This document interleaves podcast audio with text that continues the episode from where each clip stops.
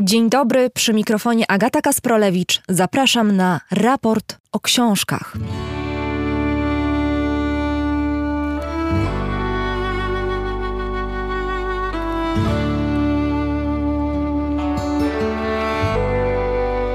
Glasgow ery taczeryzmu. Zamknięte kopalnie, bieda, marazm.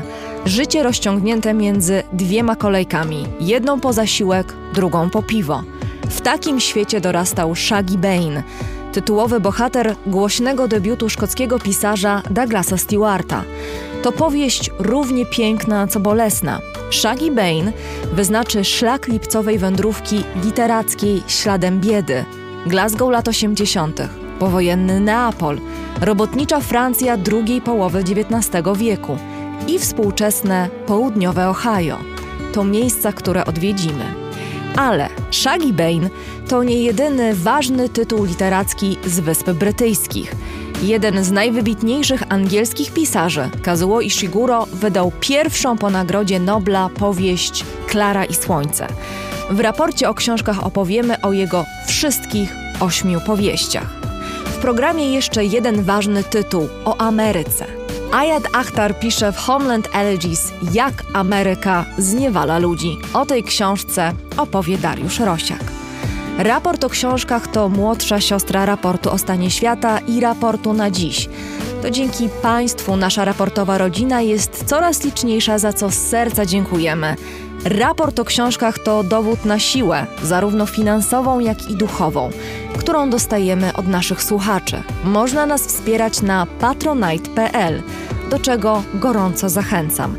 Nasz adres pozostaje bez zmian. Raport Rosiaka małpa gmail.com. Jesteśmy w warszawskim studiu Efektura. Nad audycją czuwa Chris Wawrzak.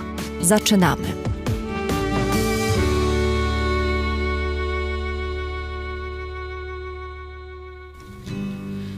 was dancing when I was twelve. I was dancing when I was twelve. I was dancing when I was out. I was dancing when I was out. I danced myself right out the womb. dance myself right out the womb. Is it strange to dance so soon? Dance myself right out the womb. I was dancing when I was eight. I was dancing when I was eight. Is it strange to dance so late? Is it strange to dance so late?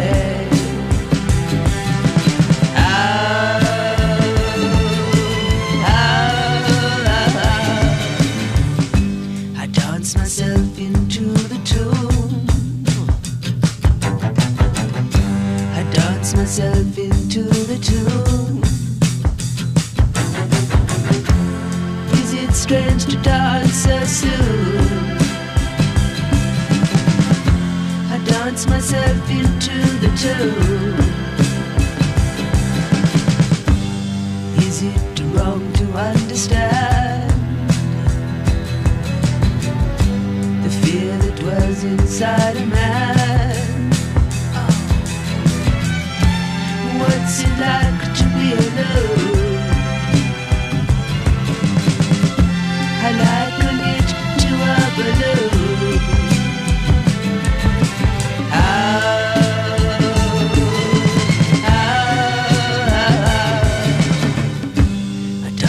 Myself out of the womb.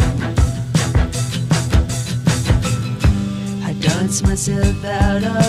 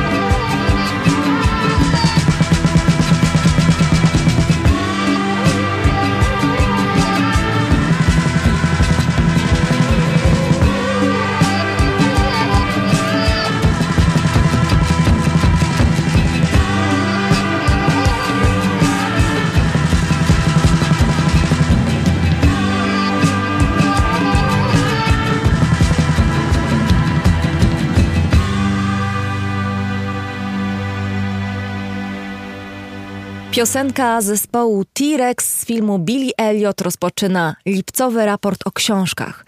Billy Elliot to opowieść o 11-letnim chłopcu dorastającym w rodzinie górniczej w burzliwych latach 80.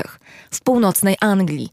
Trwa kryzys ekonomiczny, na ulicach wybuchają strajki górnicze, a Billy marzy o tym, żeby tańczyć. W tym samym czasie osadzona jest powieść Douglasa Stewarta Shaggy Bane. Shaggy też jest wrażliwym chłopcem dorastającym w brutalnym świecie robotniczego Glasgow, ery Margaret Thatcher. Fragment powieści Shaggy Bane czyta Robert Czebotar. Douglas Stewart, Shaggy Bane, przekład Krzysztof Cieślik.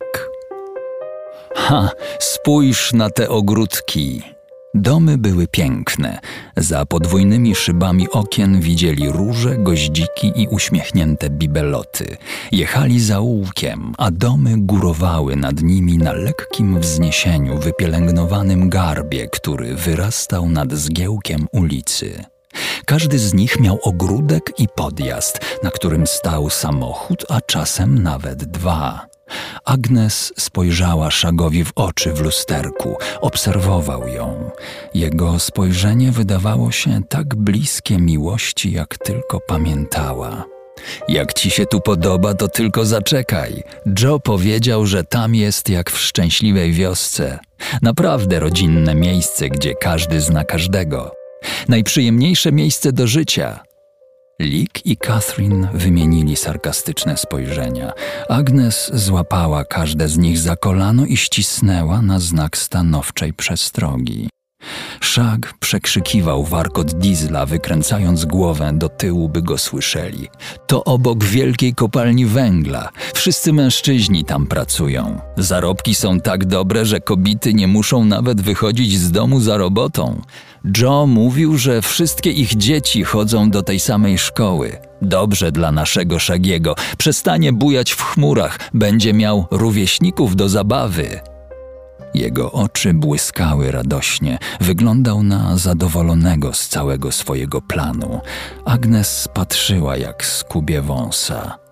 Wychodzi na to, że nie ma tu żadnych pubów. Suchutko, poza klubem górnika. Co? Ani jednego? Agnes pochyliła się do przodu. Ani jednego. Trzeba być górnikiem albo żoną górnika, żeby tam wejść. Agnes poczuła, jak pot występuje jej na plecy. To co człowiek ma robić dla zabawy? Ale Szag nie słuchał. To tu, wykrzyknął, wskazując z ekscytacją zakręt na drodze. Taksówka przechyliła się, a Agnes i dzieci wyciągnęli szyję, by zobaczyć zakręt, który powiedzie ich ku nowemu życiu. Na rogu stała pusta stacja benzynowa. Plac przed nią był rozległy, ale miała tylko jeden dystrybutor z benzyną i jeden z olejem napędowym. Szak zwolnił i skręcił w uliczkę za nią. Ostatni z wypielęgnowanych ogródków na dobre został za nimi, a droga znów się zwęziła. Wzdłuż niej ciągnął się rząd identycznych martwych cisów.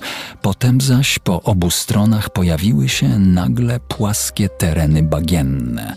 Otwarte pola upstrzone były wypalonymi dziurami koloru miedzi, a dzika brązowa trawa rosła wszędzie po obu stronach ogrodzeń, próbując odzyskać porytą kolejnami gruntową drogę Pit Road. Pokrywała ją warstwa osiadłego pyłu węglowego i taksówka zostawiała w nim ślady, jakby to był negatyw świeżego śniegu. Samochód zatrząsł się na łagodnym zakręcie. W oddali rozciągało się morze wielkich czarnych hałd, kopców, które wyglądały jakby wypalono w nich wszystko, co żywe. Wypełniały linię horyzontu, a za nimi nie było nic, jakby był to sam skraj ziemi. Spalone wzgórza błyskały, gdy padało na nie światło słońca, zaś wiatr porywał wątłe czarne kłęby z ich szczytów, jakby były olbrzymimi stertami pyłu. Wkrótce zielonkawe, brązowawe powietrze wypełnił nieokreślony kwaskowaty zapach, metaliczny i ostry, przypominający smak koniuszka zużytej baterii, do której przytyka się język. Skręcili za następnym rogiem, gdzie połamane ogrodzenie kończyło się dużym parkingiem. Za nim stał wysoki ceglany mur z wstawioną weń starą żelazną bramą, szczelnie zamkniętą na kłódkę i zabezpieczoną łańcuchem. Stróżówka obok niej przechylona była pod dziwnym kątem, a na jej dachu rosła gruba warstwa zielska. Kopalnia była zamknięta. Na blokadzie ze sklejki ktoś namalował napis Jebać torysów. Wyglądało na to, że zamknięto ją na dobre. To tutaj? spytała Agnes. Szak nie był w stanie odpowiedzieć.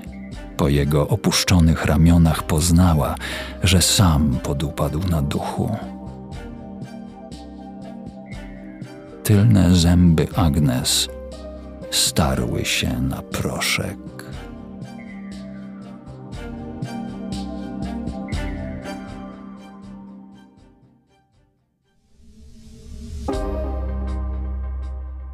A ze mną w studiu jest Krzysztof Cieślik, autor przekładu powieści Shaggy Bane na język polski. Dzień dobry. Dzień dobry, bardzo mi miło. Wybrałam ten fragment, kiedy rodzina Shagiego trafia do Pithead, górniczej osady nad przedmieściach Glasgow, bo wydaje mi się, że to jest e, jeden z takich przejmujących momentów, kiedy jeszcze tli się ostatkiem sił iluzja, że wszystko mogłoby ułożyć się inaczej ale nadchodząca katastrofa jest już tak wyraźnie wyczuwalna, że ta iluzja gaśnie.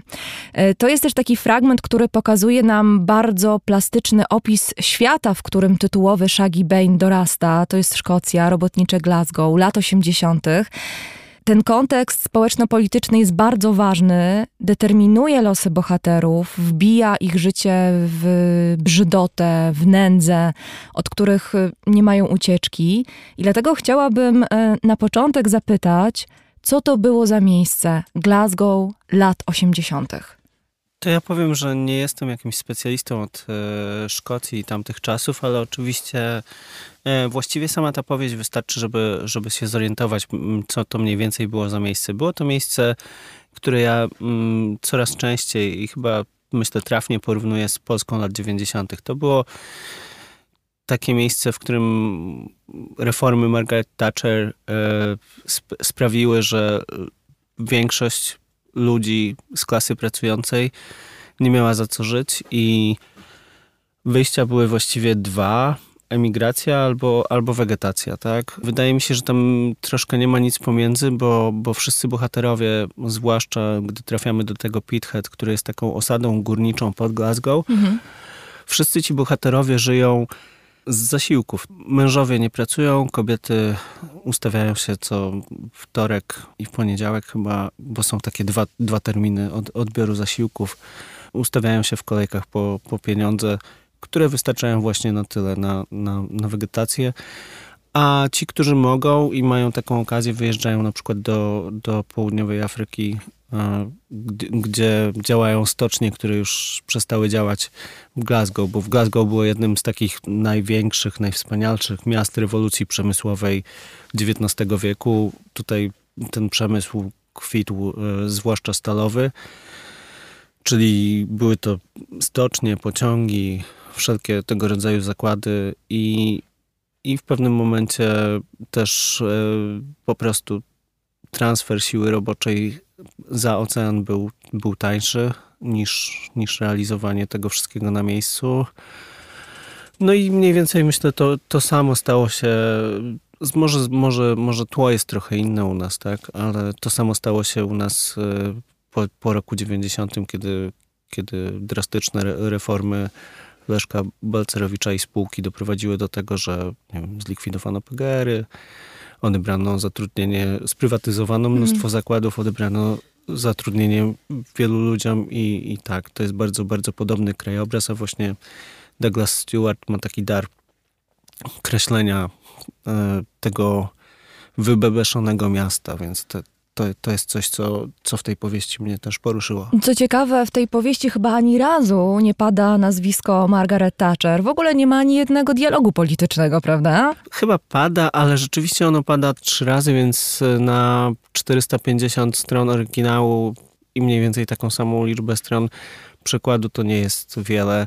Więc właśnie to jest ta subtelność też autora, który może nie mówi wszystkiego wprost. Nie mówi wszystkiego wprost i rzeczywiście ten opis Pithead jest przez to być może jeszcze mocniejszym politycznym komentarzem do czasów Margaret Thatcher, bo to jest też taki świat, w którym ludzie o polityce nie rozmawiają, bo Bo nie mają na nią wpływu, Bo nie mają na nią może, wpływu. może Mhm. tak czują, tak. Je, bardzo trudno mi jest e, sobie to dopisywać, w sensie nie chciałbym tu nadin- nadinterpretować, ale myślę, że dobra proza, czy świetna proza mm, nigdy nie mówi wprost takich rzeczy, to znaczy polityka czy ekonomia są tłem i to tło można zawsze wychwycić wtedy, tak? Ale, ale ono nie powinno być podane w taki sposób, że, że pisarz powie, że Margaret Thatcher była złą osobą, czy fatalną polityczką z punktu widzenia Szkotów i tak dalej, no to byłoby, to byłaby publicystyka. to jest rzeczywiście opowieść o ludziach, którzy zostali zepchnięci na skutek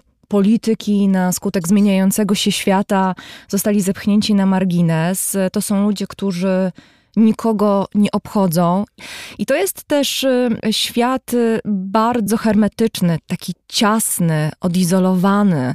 Takie przynajmniej miałam wrażenie, czytając tę powieść. I chyba niezwykle ważnym elementem tego świata, także wpływającym na jego hermetyczność, jest język. Tak, to jest kilka języków, Mhm. ponieważ język angielski czy szkocki, bo Douglas Stewart pisze trochę po szkocku, trochę po angielsku, ale to wszystko jest e, zrozumiałe dla przeciętnego odbiorcy języka angielskiego, więc też starałem się to oddać w taki sposób w przekładzie, żeby to było zrozumiałe dla, dla czytelnika.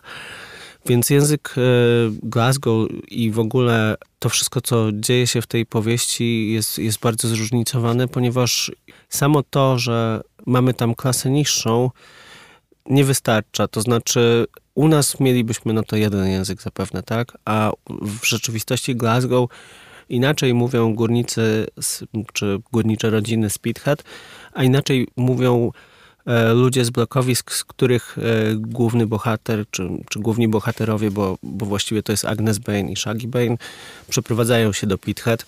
Te różnice doskonale widać i w ogóle mm, chyba język najbardziej oddaje sama, sama Agnes Bane, która w różny sposób mówi w różnych sytuacjach. Ona inaczej rozmawia z mężem, zwłaszcza kiedy jest pijana albo w gniewie, e, a inaczej też e, rozmawia z dzieckiem, z Shagim, a inaczej rozmawia trochę e, z kobietami. Zasadniczo stara się Szagiego uczyć poprawnej ang- angielszczyzny. Mamy tam nawet takie sceny, gdzie go poprawia. Z kobietami rozmawia też taką wytworną, najlepszą szkotczyzną, byśmy powiedzieli. I, I właśnie te różnice klasowe bardzo dobrze odbijają się w języku i to jest o tyle kłopotliwe, że, że my mamy dość, dość spłaszczony język. To jest rzeczywiście książka niezwykle mm, bogata pod względem tej różnorodności języka. Ten język zresztą myślę, że jest y, bohaterem też tej książki, prawda? Tak. E, I zastanawiam się, jak wielkim musiało być to wyzwaniem dla tłumacza, żeby ten język, e, który jest bardzo mocno wpisany w kontekst, w kontekst Wielkiej Brytanii, w kontekst kultury, społeczeństwa, tej klasowości, żeby przenieść to na grunt języka polskiego. E, Gdzie szukałeś inspiracji? Jaką ścieżką podążałeś, próbując ten język e, z, z powieści Douglasa przełożyć na, na taki język, żeby polski czytelnik rozumiał znaczenie tej różnorodności?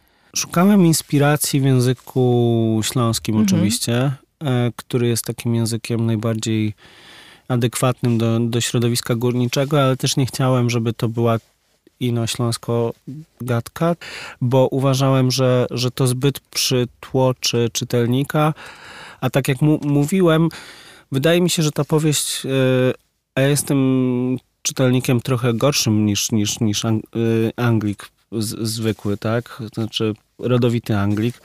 Wydaje mi się, że ta książka e, jest na tyle zrozumiała, że, że gdy się ją czyta po angielsku, to jednak te dialogi, człowiek wie, co to znaczy, co, co oni mówią, chociaż oni mówią trochę inaczej, tak?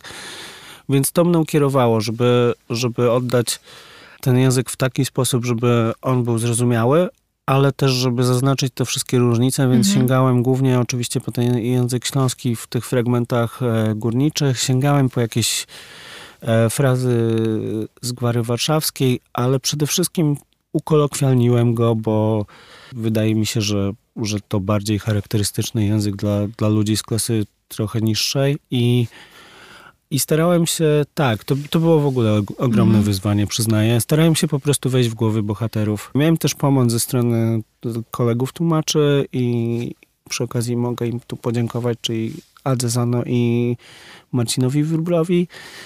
Też wydaje mi się, że przekładanie jeden do jednego, gwary na gwarę, e, zwłaszcza przy jednak tak zróżnicowanym języku jak ten szkocki, jest trochę nietrafione. To zawsze jest problem. To znaczy, e, to jest coś takiego, że, że nie mamy tu dobrego rozwiązania. Nie wiem, zdarzają się takie, takie próby, nie wiem, przełożenie gwary Kyoto na, na gwarę poznańską. Moim zdaniem to jest z góry skazane na porażkę. Wydaje mi się, że, że kluczowym kryterium dla, dla, dla takiego tekstu musi być zrozum- zrozumiałość dla, dla czytelnika języka polskiego. A druga rzecz musi być taka, że mm, ten czytelnik będzie widział albo będzie potrafił sobie wyobrazić, co to są za ludzie właśnie po języku, bo, bo, bo tak jest zrobiony oryginał, więc żeby znaleźć się naj, najbliżej oryginału, trzeba w jakimś sensie odejść od e, języka angielskiego. Ja też e, czytając e, tę książkę w Twoim tłumaczeniu, miałam takie wrażenie, że bardzo ważne było to, żeby zachować tę równowagę między naturalnym brzmieniem e, tego języka, a pewnego rodzaju innością, ale innością, która nie powinna przechodzić w dziwaczność, prawda? Żeby on był nieco egzotyczny, ale cały czas naturalny, żeby pasował do tego świata. Ja w ogóle mam coś takiego, e, że- bardzo lubię pisać dialogi w- tłumaczeniach jako, jako tłumacz. I, I dla mnie to jest e, jedna z ważniejszych rzeczy. To znaczy, nie mówię, że po dialogach można poznać, czy tłumacz jest dobry, czy zły, bo tłumacza można poznać po wszystkim, ale bardzo sobie cenię autorów i, i tłumaczy, którzy piszą dobre dialogi, więc więc ta naturalność jest dla mnie jakoś tam kluczowa, żeby zdania brzmiały tak jak zdania wypowiedziane przez żywych ludzi, a nie, a nie były sztucznymi, e, sztucznymi konstruktami, które czasem się trafia w różnych miejscach, tak? Bo, bo to, to mnie bardzo razi. Natomiast tutaj ta bariera języka jeszcze, jeszcze utrudniała sprawę, bo z jednej strony chcemy uzyskać właśnie tę naturalność, a z drugiej obcość, ale, też, ale też nie chciałem, żeby, żeby ci bohaterowie przez język budzili jakąś taką, odra- może nie odrazę, ale taką pobłażliwość naszą, tak? Bo wydaje mi się, że oni nie budzą go, nie budzą takich odczuć w oryginale i, i starałem się sprawić, żeby, żeby ten język brzmiał inaczej, ale nieśmiesznie przede wszystkim. Nie, śmiesznie myślę, że nie brzmi. Mam wrażenie, że powstał e, taki dialekt e, biedy i taki, taki dialekt e, odosobnienia, bo ciekawe jest właśnie to, jak, jak ten język potrafi budować granice, obcości również. Orientujemy się, no właśnie, z języka, jakim posługują się bohaterowie, kim oni są, z jakiego świata oni przychodzą. I też ten język rzeczywiście jest taką barierą dla Agnes i dla Shagiego Baina, dla jej najmłodszego e, syna. Oni są postrzegani w tej społeczności górniczej jak takie dziwolągi, właśnie z uwagi na ten dziwaczny język, którym oni mówią, a to jest zwykły angielski. Tak. Z, z naszego punktu widzenia, Tak, bliższy tak. naszemu wyobrażeniu. Tak, a z drugiej strony to też nie jest tak, że oni nie znają tego języka, tak? E, bo oni, oni go znają, zwłaszcza myślę Agnes, tak? Która, która potrafi nim mówić, ale jednak ta granica jest wyznaczana z obu stron, wydaje mi się tutaj. Z jednej strony wyznaczają ją mieszkanki głównie, tak, Pithhat, a z drugiej strony Agnes, Agnes ją ciągle wyznacza swoją, swoją wyniosłością i, i tym, że uważa się za kogoś lepszego. Myślę, że to jest rodzina, która mogłaby się tam wtopić. Mhm. A zarazem to jest rodzina, która nie chce się tam wtopić, bo, bo też ma inne oczekiwania od życia. Ja, Inne ja bym, aspiracje. Ja bym, ja bym, tak, bo ja bym tego nie, jakby nie potępiał. W tym sensie, że, że zresztą widzimy, że wszyscy się stamtąd wyry, wyrywają, cała trójka rodzeństwa. Udaje się to też Agnes, tak? Wraca do, do centrum Glasgow. Może nie tak, jakby chciała, ale, ale tak.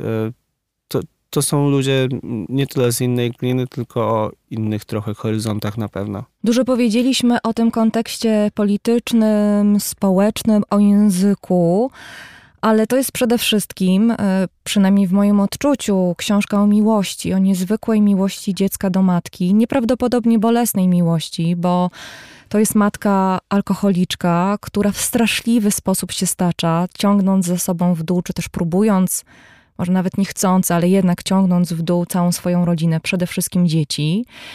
Douglas Stewart w wywiadach podkreśla, że Shaggy Bane nie jest autobiografią, ale że jest to powieść oparta na jego doświadczeniu. Zresztą w pierwszych zdaniach podziękowań pisze tak: Wszystko zawdzięczam wspomnieniom o mojej matce i jej walce, a także mojemu bratu, który dał mi tyle, ile mógł. Mam także dług wdzięczności wobec mojej siostry, która zachęciła mnie, bym ubrał to w słowa i podzielił się tym z wami. On zresztą dedykuje tę książkę swojej matce i muszę przyznać, że to, co dla mnie jest najbardziej ujmujące w tej powieści, to jest to, że nie jest to powieść rozliczeniowa. Że nawet w najbardziej okrutnych, naturalistycznych opisach alkoholowego upodlenia matki, bo tak mocnymi słowami trzeba to nazwać, zawsze jest miejsce na czułość, zawsze jest miejsce na to, żeby zauważyć, jak delikatne są jej dłonie, jak pięknie loki opadają jej na twarz w najgorszych momentach. To jest niezwykłe. To prawda, jest tu kilka takich słów kluczy, które możemy użyć, na przykład słowo czułość, czy, czy słowo, no miłość jest tak, miłość przesiąga tę książkę od, od samego początku do końca i, i to jest wspaniała sprawa, ponieważ e, chyba łatwo byłoby napisać tę powieść inaczej, ale też ona nie robiłaby wtedy takiego wrażenia, bo, bo te dwa wielkie tematy literatury, śmierć i miłość, są na tyle opracowane literacko i w tylu wariantach, tysiącach wariantów, że, że żeby książka się wyróżniała, myślę, że Shaggy Bane nieprzypadkowo dostał tyle nagród, ile dostał, to musi nas jakoś chwycić, tak?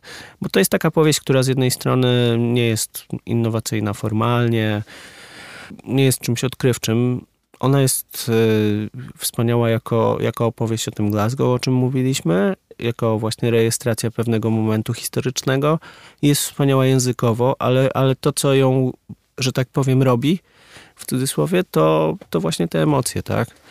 Wydaje mi się, że i to jest dziwna sprawa, bo przecież e, jesteśmy wystawieni na mnóstwo, nie wiem, tekstów kultury ciągle, tak? Ogl- Oglądamy seriale, czytamy książki, a jednak ja mam takie wrażenie, że, że niewiele rzeczy Mhm. potrafi mi zrobić emocjonalnie takie, takie, nie wiem jak to określić, takie spustoszenie, jak, jak ta książka, tak? E, Że, że po prostu e, Douglas Stewart uderza w takie czułe stru- struny i też nie ma aż tak dużo literatury poświęconej miłości dziecka do, do rodzica. I to jest taka piękna miłość, ponieważ ona jest nie tyle może bezinteresowna, co ona jest y, bezgraniczna, tak?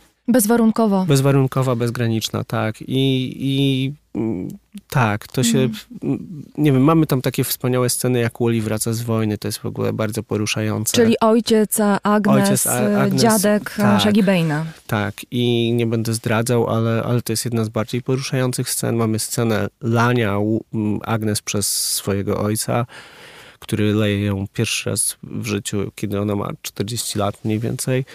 Ale tak naprawdę m, cała ta powieść opiera się na, na miłości dziecka do matki i, i mimo tego wszystkiego, co się dzieje, tak? Często w recenzjach e, Shaggy Bane pojawiają się takie zdania jak e, to, że jest to powieść rozrywająca serce, że pozostawia czytelnika w strzępach i rzeczywiście to jest powieść bardzo bolesna, momentami trudna, ale też niezwykle piękna.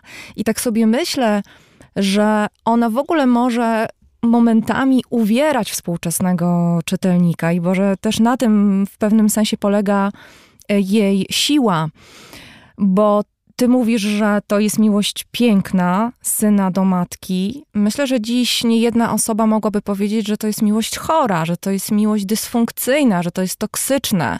Tam jest wiele strasznych scen, gdzie czytelnik chciałby zainterweniować, gdzie chciałby się powiedzieć, ten chłopak powinien zerwać wszelkie kontakty ze swoją matką i uciekać. Tam nie ma w ogóle momentu w myśleniu Shaggy'ego Bane'a, żeby tą matkę zostawić. I tak sobie myślę, że to jest taki świat, który trochę chyba już odchodzi. Taki świat, kiedy ten obowiązek rodzinny jest bezwarunkowy, gdzie nie ma tego miejsca na swój komfort, tylko miłość do rodzica jest najważniejsza. Ja nie wiem, czy on odchodzi. To znaczy, to, to jest, to się przekonamy za 20, Mhm. 50 lat, tak? Bo to jest rzeczywiście, tak, to, to na pewno się zmienia, tak? Ale z drugiej strony, ja wiem, że, że tę miłość można różnie postrzegać, a z drugiej strony wydaje mi się to najbardziej naturalnym ludzkim odruchem. To znaczy, wszystkie rodziny są trochę nieszczęśliwe, tak? E, nie ma czegoś takiego jak, jak wzorowa rodzina. Wydaje mi się, że, że w te relacje, w relacje rodzinne jest wpisane trochę nieszczęścia przynajmniej, a tro, trochę mm, czegoś nieudanego, tak? To znaczy, że te relacje nie mogą się idealnie układać, ponieważ jesteśmy ludźmi, popełniamy błędy i, i mamy swoje wady i wszyscy jesteśmy czymś tam obciążeni, ale z drugiej strony coś nie, niesie nas przez życie i, i właśnie jeśli niesie nas miłość, to to chyba najlepiej, wydaje mi się. I, i ta miłość niesie Sz- Szagiego i pozwala mu mm, przejść przez te wszystkie trudne rzeczy. Oczywiście pewnie dzisiaj byśmy oddali tego chłopca, nie wiem, opiece społecznej czy, czy komuś, tak? I może to by było dla niego lepsze. Ja chciałem tylko jeszcze wrócić do jednej rzeczy, bo powiedziałaś o, o, o tej miłości i o, o tym, że ona jest y, piękna.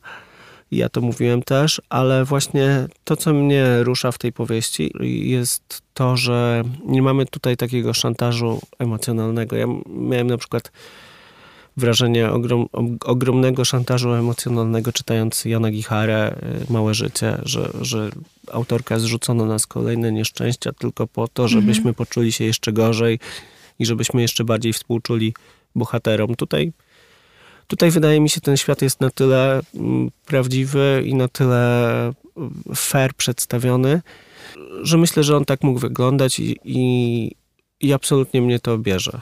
Że to jest też taki świat, y, który uformował Douglasa Stewarta, prawda? I to też jest y, poruszający. Myślę, że ta książka nie byłaby taka, jaka jest, gdyby nie była autobiograficzna w dużej mierze, prawda? Tak, tak. Ja myślę, że... Stąd tyle tej czułości, stąd y, to nie jest rozliczenie, tylko to jest bardziej hołd złożony temu światu, który jest tak bardzo ułomny, momentami patologiczny, momentami straszny, ale autor jest z tej gliny ulepiony i on z tej gliny też ulepił dla nas tę książkę.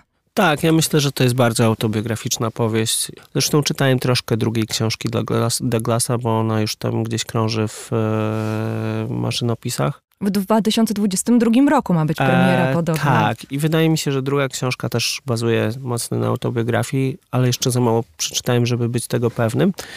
Natomiast tak, wydaje mi się, że, że takiego debiutu nie da się napisać, nie przeżywszy tych rzeczy, bo po prostu człowiek nie ma takich rzeczy w głowie. W sensie to nie są rzeczy, które można sobie wyobrazić. Oczywiście może najwięksi pisarze są w stanie wcielić się we wszystko i wszystkich, ale wydaje mi się, że, że tu widać, że on to przeżył, że on zna te miejsca. Choćby to, tak? Nie da się opisać tego wszystkiego, nie wiem, drogi przez jakiś stary magazyn z paletami, gdzie dzieciaki urządzają sobie, nie wiem, sw- swój, swoje miejsce, swoją przestrzeń, żeby mieć gdzie pić, wąchać klej, spotykać się z dziewczynami, są nastolatkami przed mutacją, po mutacji. Takie rzeczy można opisać tylko, jak je się przeżyje, wydaje mi się, żeby, żeby przynajmniej, żeby one naprawdę trafiały. I to jest coś, nie wiem, wydaje mi się, że na przykład jak czytamy genialną przyjaciółkę Eleny Ferrante, to, to są te teorie, że to nie jest powieść napisana przez Elenę Ferrante, tylko przez męża. Różne są te teorie. Mhm. Wydaje mi się, że na przykład tam jest taka scena gwałtu, a właściwie nawet nie, nie, nie, wiem, czy to jest taki mm, całkowity gwałt. Przepraszam za określenie, e, ale jest taka scena bardzo, bardzo mocna, bodaj w drugim tomie na wakacjach. I wydaje mi się, że mężczyzna nie napisze tej sceny. Mhm. I w ogóle e, to, jak pisze na Ferrante, musi wypływać e, w jakiejś mierze z- doświadczenia kobiecego i to jest też coś takiego, że ja czytając tę książkę wiem trochę więcej o, o, o, kobiecie, Mm. o kobietach, tak, ogólnie. I, I tak samo mam tutaj, tak, że, że, że poznaję to Glasgow i ten cały świat przez Douglasa Stewarta, który musiał to wszystko przeżyć. Oczywiście te, te, te wszystkie historie mogą być troszkę zmyślone, trochę dopisane. Zrobiono z nich literaturę oczywiście, ale, ale nadal uważam, że to jest bardzo mocno autobiograficzna książka i wspaniały debiut, ale, ale widać, że na doświadczeniu. Ciekawe, że wspomniałeś o Elenie Ferrante, dlatego że fragment y, Genialnej Przyjaciółki pojawi się w naszej audycji jeszcze, ale to za chwilę dopiero. Shaggy Bane Douglasa Stewarta to jest Booker 2020, to jest jeden z najgłośniejszych, najbardziej spektakularnych debiutów literackich. W tym momencie ta książka tłumaczona jest na 34 języki. Wielki sukces, wielki rozgłos w świecie literatury. Ale ty na tę książkę trafiłeś jeszcze zanim ten Booker się pojawił. Chciałam cię zapytać o to, jak ty poznałeś e, literaturę Douglasa Stewarta, no i jak doszło do tego polskiego tłumaczenia. Trafiłem na tę książkę w lutym 2014 roku, e, kiedy ona jeszcze nie miała wiele recenzji. Po prostu ja dość dużo przeglądam, nawet nie tyle prasy, prasy też zagranicznej, ale śledzę, śledzę nowości wydawnicze w miarę. Nie mówię, że wszystko, bo, bo to jest niemożliwe, jest tego strasznie dużo i też bardzo dużo powieści ma bardzo dobre recenzje i rzadko się okazuje, że, że te powieści są bardzo dobre. Tego mnie nauczyło śledzenie rynku anglojęzycznego. Sam byłem trochę krytykiem w Polsce, więc też wiem mniej- więcej jak to działa i nie za bardzo ufam recenzentom.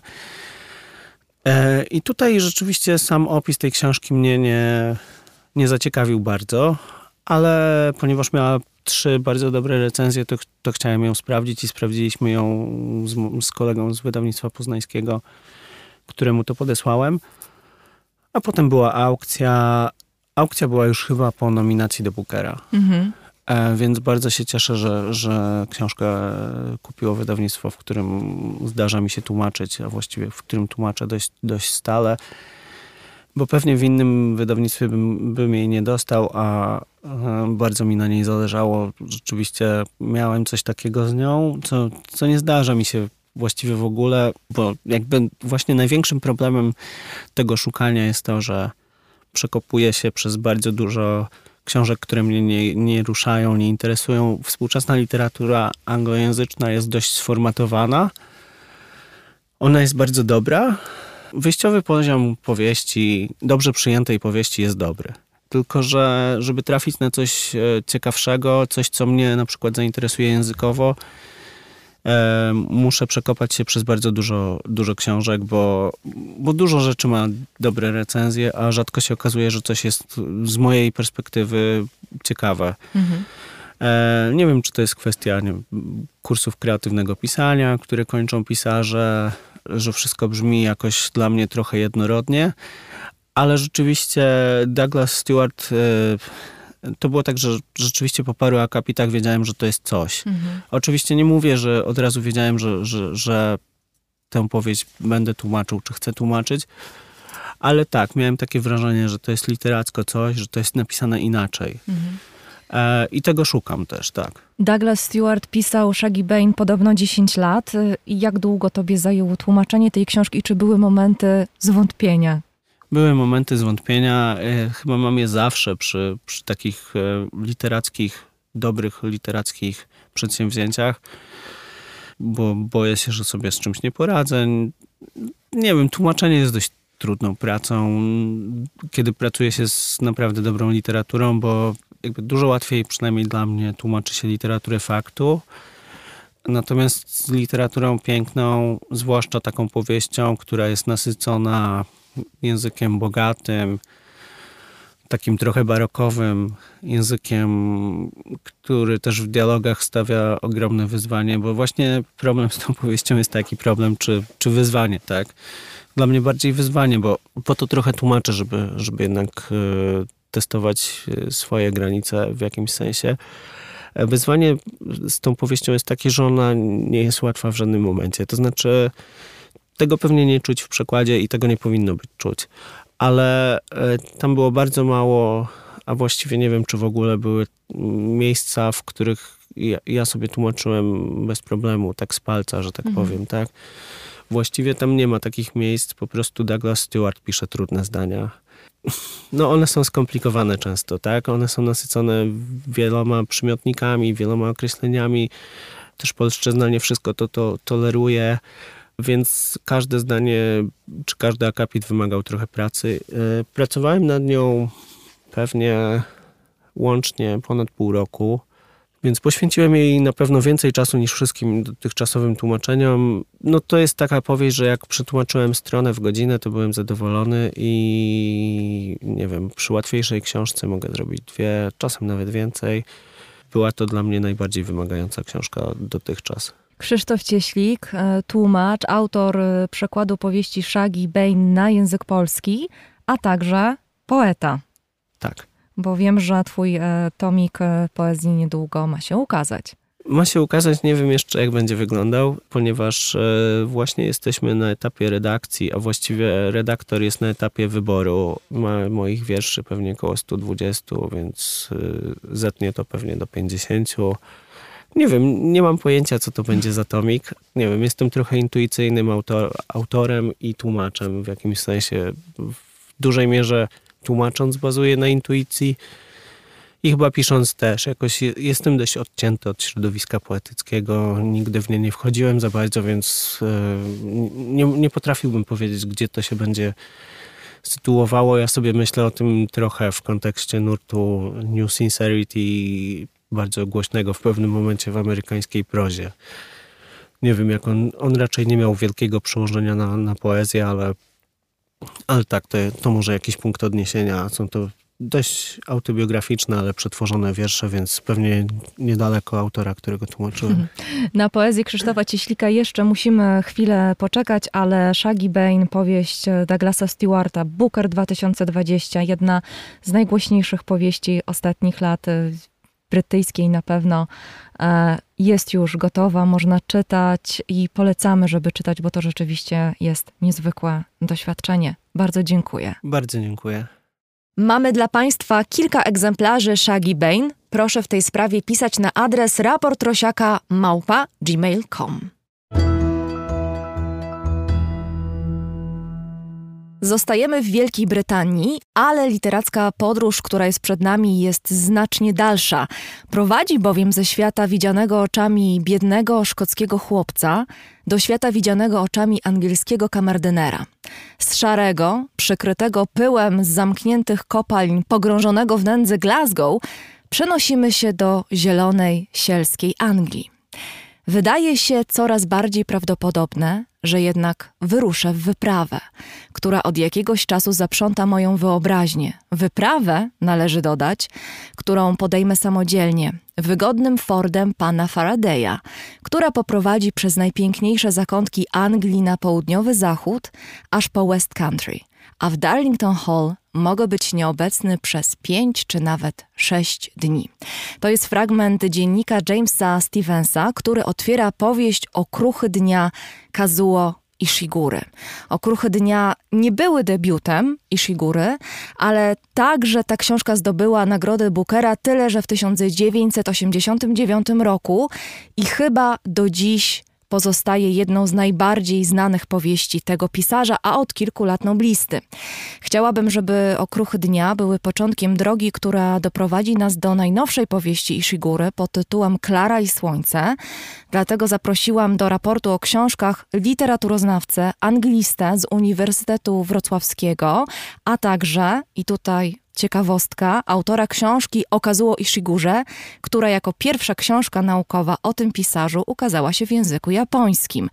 A naszym gościem jest Wojciech Drąg. Dzień dobry. Dzień dobry. Panie Wojciechu, zacznijmy od okruchów dnia, bo choć jak już wspomniałam, to nie jest debiut Ishigury, lecz jego trzecia w dorobku książka, to wydaje mi się dobrym punktem wyjścia do jego twórczości w ogóle, ale też ta książka wydaje mi się bardzo ciekawym, takim mocnym literackim zderzeniem z Shaggy Bane, bo o ile e, Douglas Stewart e, tutaj przepraszam za mocne słowa, ale tak wypruwa emocjonalnie flaki ze swoich bohaterów, to Kazuo Ishiguro w Okruchach Dnia i to jest chyba w ogóle charakterystyczne dla jego twórczości. Te emocje powściąga, tłumi, co nie znaczy, że tych wielkich, rozrywających serce emocji w tych książkach Ishigury nie ma. To prawda, rzeczywiście e, e, ja tutaj pozwolę sobie używać też e, formy poprawnej, nieodmienionej, w związku z tym, że też trudno byłoby ustalić mianownik, jeśli się mówi Ishigury czy z Ishigurą i to jest taka zasada, która mówi, że w takich sytuacjach też można, więc tutaj będziemy mieli taki dwugłos, ale to mam nadzieję, że, że nieistotne. A dobrze, to nie odmieniamy. Umawiamy się na to, że nie odmieniamy. Ishiguro, Kazuo Ishiguro, kropka. Więc w nawiązaniu do Pani tutaj obserwacji, że emocje u, u Ishiguro nie są bardzo widoczne na powierzchni, a, a tylko jakoś tam skrywane jeśli tak gdzieś bulgoczą, ale tylko czytelnik może się zorientować, czy wyczytać to między wierszami. Na początku twórczości w latach 80., tutaj pierwsze trzy jego powieści powstały w latach 80., 82 rok Pejzaż w kolorze sepi, 86 rok Malarz świata Ułudy. W 89 roku e, ukazały się Okruchy Dnia. Pierwsze dwie z tych powieści osadzone są w Japonii. No, oczywiście powieść została napisana w języku angielskim, natomiast krytycy doszukiwali się różnych takich śladów e, japońskości, takiego, takiej powściągliwości, którą, e, którą utożsamiamy z, właśnie z kulturą Japonii. Okruchy dnia, mimo że jako pierwsza powieść Ishiguro osadzone są w Anglii, są też od razu taką bardzo angielską powieścią, kwintesencją angielskości. Tutaj niektórzy krytycy pisali, że Ishiguro się tu jawi jako e, pisarz bardziej angielski od, od Anglików. Nadal ten język jest bardzo sztuczny. To też wielu tłumaczy stara się uchwycić w tłumaczeniach. Stevens jest tutaj bardzo dobrym przykładem takiego bardzo neutralnego, formalnego języka, który kojarzymy z, z taką angielskością rodem z Oxfordu czy z Cambridge. Stevens jest e, lokajem i nie odebrał jakiegoś takiego bardzo prestiżowego wykształcenia, ale umie posługiwać się językiem arystokratów, którym całe życie służy. E, Przepraszam, jeśli, jeśli troszeczkę zaczynam z boku. E, Chciałem tylko powiedzieć o tym, że już na, na poziomie samego języka to wyparcie emocji jest widoczne. Dopiero pod koniec okruchów dnia, pod koniec tej podróży, w którą Lokaj Stevens się wybiera. E, Ishiguro mówi, i to w tej oryginalnej wersji jest takie jedno zdanie, at that moment my heart was breaking. I to jest jedyny moment, kiedy narrator pozwala sobie na wyrażenie emocji, które bardzo skrzętnie i, i z wielką samodyscypliną ukrywa. Natomiast jest to rzeczywiście taki znak firmowy. Właściwie nie ma powieści Ishiguro spośród tych ośmiu, które dotychczas napisał, gdzie nie możemy zaobserwować pewnego rodzaju wyparcia emocjonalnego. Bardzo się cieszę, że pan na samym początku naszej rozmowy wywołał tę japońskość i angielskość e, Kazuo Ishiguro, bo rzeczywiście Okruch Dnia to jest taka powieść e, na wskroś y, angielska, trudno o bardziej angielską książkę niż Okruchę Dnia, a z drugiej strony no to jest przecież pisarz urodzony w Japonii, w wieku pięciu lat dopiero Tak, sprowadził się z rodzicami tak, tak, tak. do Anglii. Urodzony zresztą, to chyba ciekawe, w mieście Nagasaki, prawda? Takim mieście, nad którym ciąży to widmo zagłady. Na ile ta zagłada, to widmo i jakieś katastrofy jest obecne w twórczości Ishiguro, to mam nadzieję, że jeszcze porozmawiamy. Ale ja o tę angielskość chciałam zapytać. W jednym z wywiadów e, Kazuo Ishiguro powiedział, że Anglia jest dla niego mitycznym miejscem, w pewnym sensie podkreślając jakiś taki dystans dzielący go od, od Anglii. No a z drugiej strony właśnie, tak jak pan mówi, ta angielskość aż kipi y, w okruchach dnia i te konteksty angielskie są bardzo obecne, bo z jednej strony to jest taka opowieść o zmierzchu imperium, a z drugiej strony to jest portret człowieka boleśnie uwięzionego w tej angielskości swojej, bo on jest niewolnikiem jakiegoś takiego ideału i niewolnikiem świata, w którym priorytetem są dobrze wypolerowane sztućce i on w imię tych wartości przegrywa miłość życia. E, tak, tak, jak najbardziej się, się, się zgodzę i tutaj powiedziałbym, że rzeczywiście można o, o Stevensie mówić jako o pewnego rodzaju nawet ideologicznym niewolniku. Stevens jest postacią, która uznała, że na pewnym wczesnym etapie swojego życia, że ma pewną rolę do odegrania, jest lokajem. Zadaniem lokaja jest lojalnie służyć swojemu panu, wykonywać jak najlepiej swoje obowiązki. Do tych obowiązków wchodzi właśnie to, o czym pani wspomniała, polerowanie srebra, czy upewnienie się, że wszystko jest na, na swoim miejscu i że wszyscy goście podczas bankietu są zadowoleni, ale w skład tych obowiązków perfekcyjnego lokaja nie wchodzi analizowanie czy ocenianie wyborów politycznych, ideologicznych swojego pana. Tutaj mamy taki kazus bardzo lojalnego i bardzo oddanego i bardzo profesjonalnego lokaja, który całe swoje życie, całą swoją służbę, ale właśnie nie tylko służbę, ale też życie. I jak się okazuje po latach, nie była to właściwa karta. To znaczy, Lord Darlington w latach 30. był bardzo zaangażowany w taki ruch, który rzeczywiście istniał w Wielkiej Brytanii, też w innych krajach Europy. Wpływowych osób, które miały wrażenie, że Niemcy zostały bardzo skrzywdzone na mocy traktatów wersalskich i potrzebują e, wsparcia politycznego i pomocy w zderzeniu z, z bezrobociem. Wiadomo, to jest ten kontekst, z którego wyrośli naziści. I o ile można tu się spierać, że rzeczywiście na początku lat 30. można było e, inaczej traktować Niemcy, żeby, żeby uniemożliwić e, Hitlerowi przejęcie władzy, to jednak w późnych latach 30., kiedy Hitler już jest u władzy, Lord Darlington nadal go wspiera. E, Nawet podczas okruchów dnia pojawia się w jednym epizodzie Józef von Ribbentrop, który jest jednym z gości e, Lorda Darlingtona i tutaj bardzo wyraźnie widzimy gdzieś tam między, między wierszami, że Darlington jest zwolennikiem nazistów, też przejmuje ich antysemityzm. Stevens akceptuje to można powiedzieć bez, bezmyślnie, y, uznaje, że współczesny świat, im współczesny, lata 30., jest zbyt skomplikowany, żeby Lokaj mógł tutaj formułować jakieś własne opinie, skoro jego pan, dużo lepiej wykształcony, podróżujący po Europie, doszedł do takich wniosków, no to kimże on jest, by, by mógł to kwestionować. Narracja pierwszoosobowa to jest też kolejny znak firmowy Ishiguro. Właściwie 7 z 8 powieści ma narratorów pierwszoosobowych. Mimo, że narracja pierwszoosobowa obecnie jest, jest dominująca, to jednak rzadko się zdarza, żeby pisarze właściwie tylko z niej korzystali. Jedynie pogrzebany olbrzym głównie ma narrację trzecioosobową, ale tam też zdarzają się, się elementy e, pierwszoosobowe. Ale taki typowy bohater Ishiguro, narrator Ishiguro, bohater i narrator w jednej osobie, szczególnie w pierwszych trzech powieściach, to jest osoba, która opowiedziała się po pewnej stronie jakiegoś ideologicznego sporu.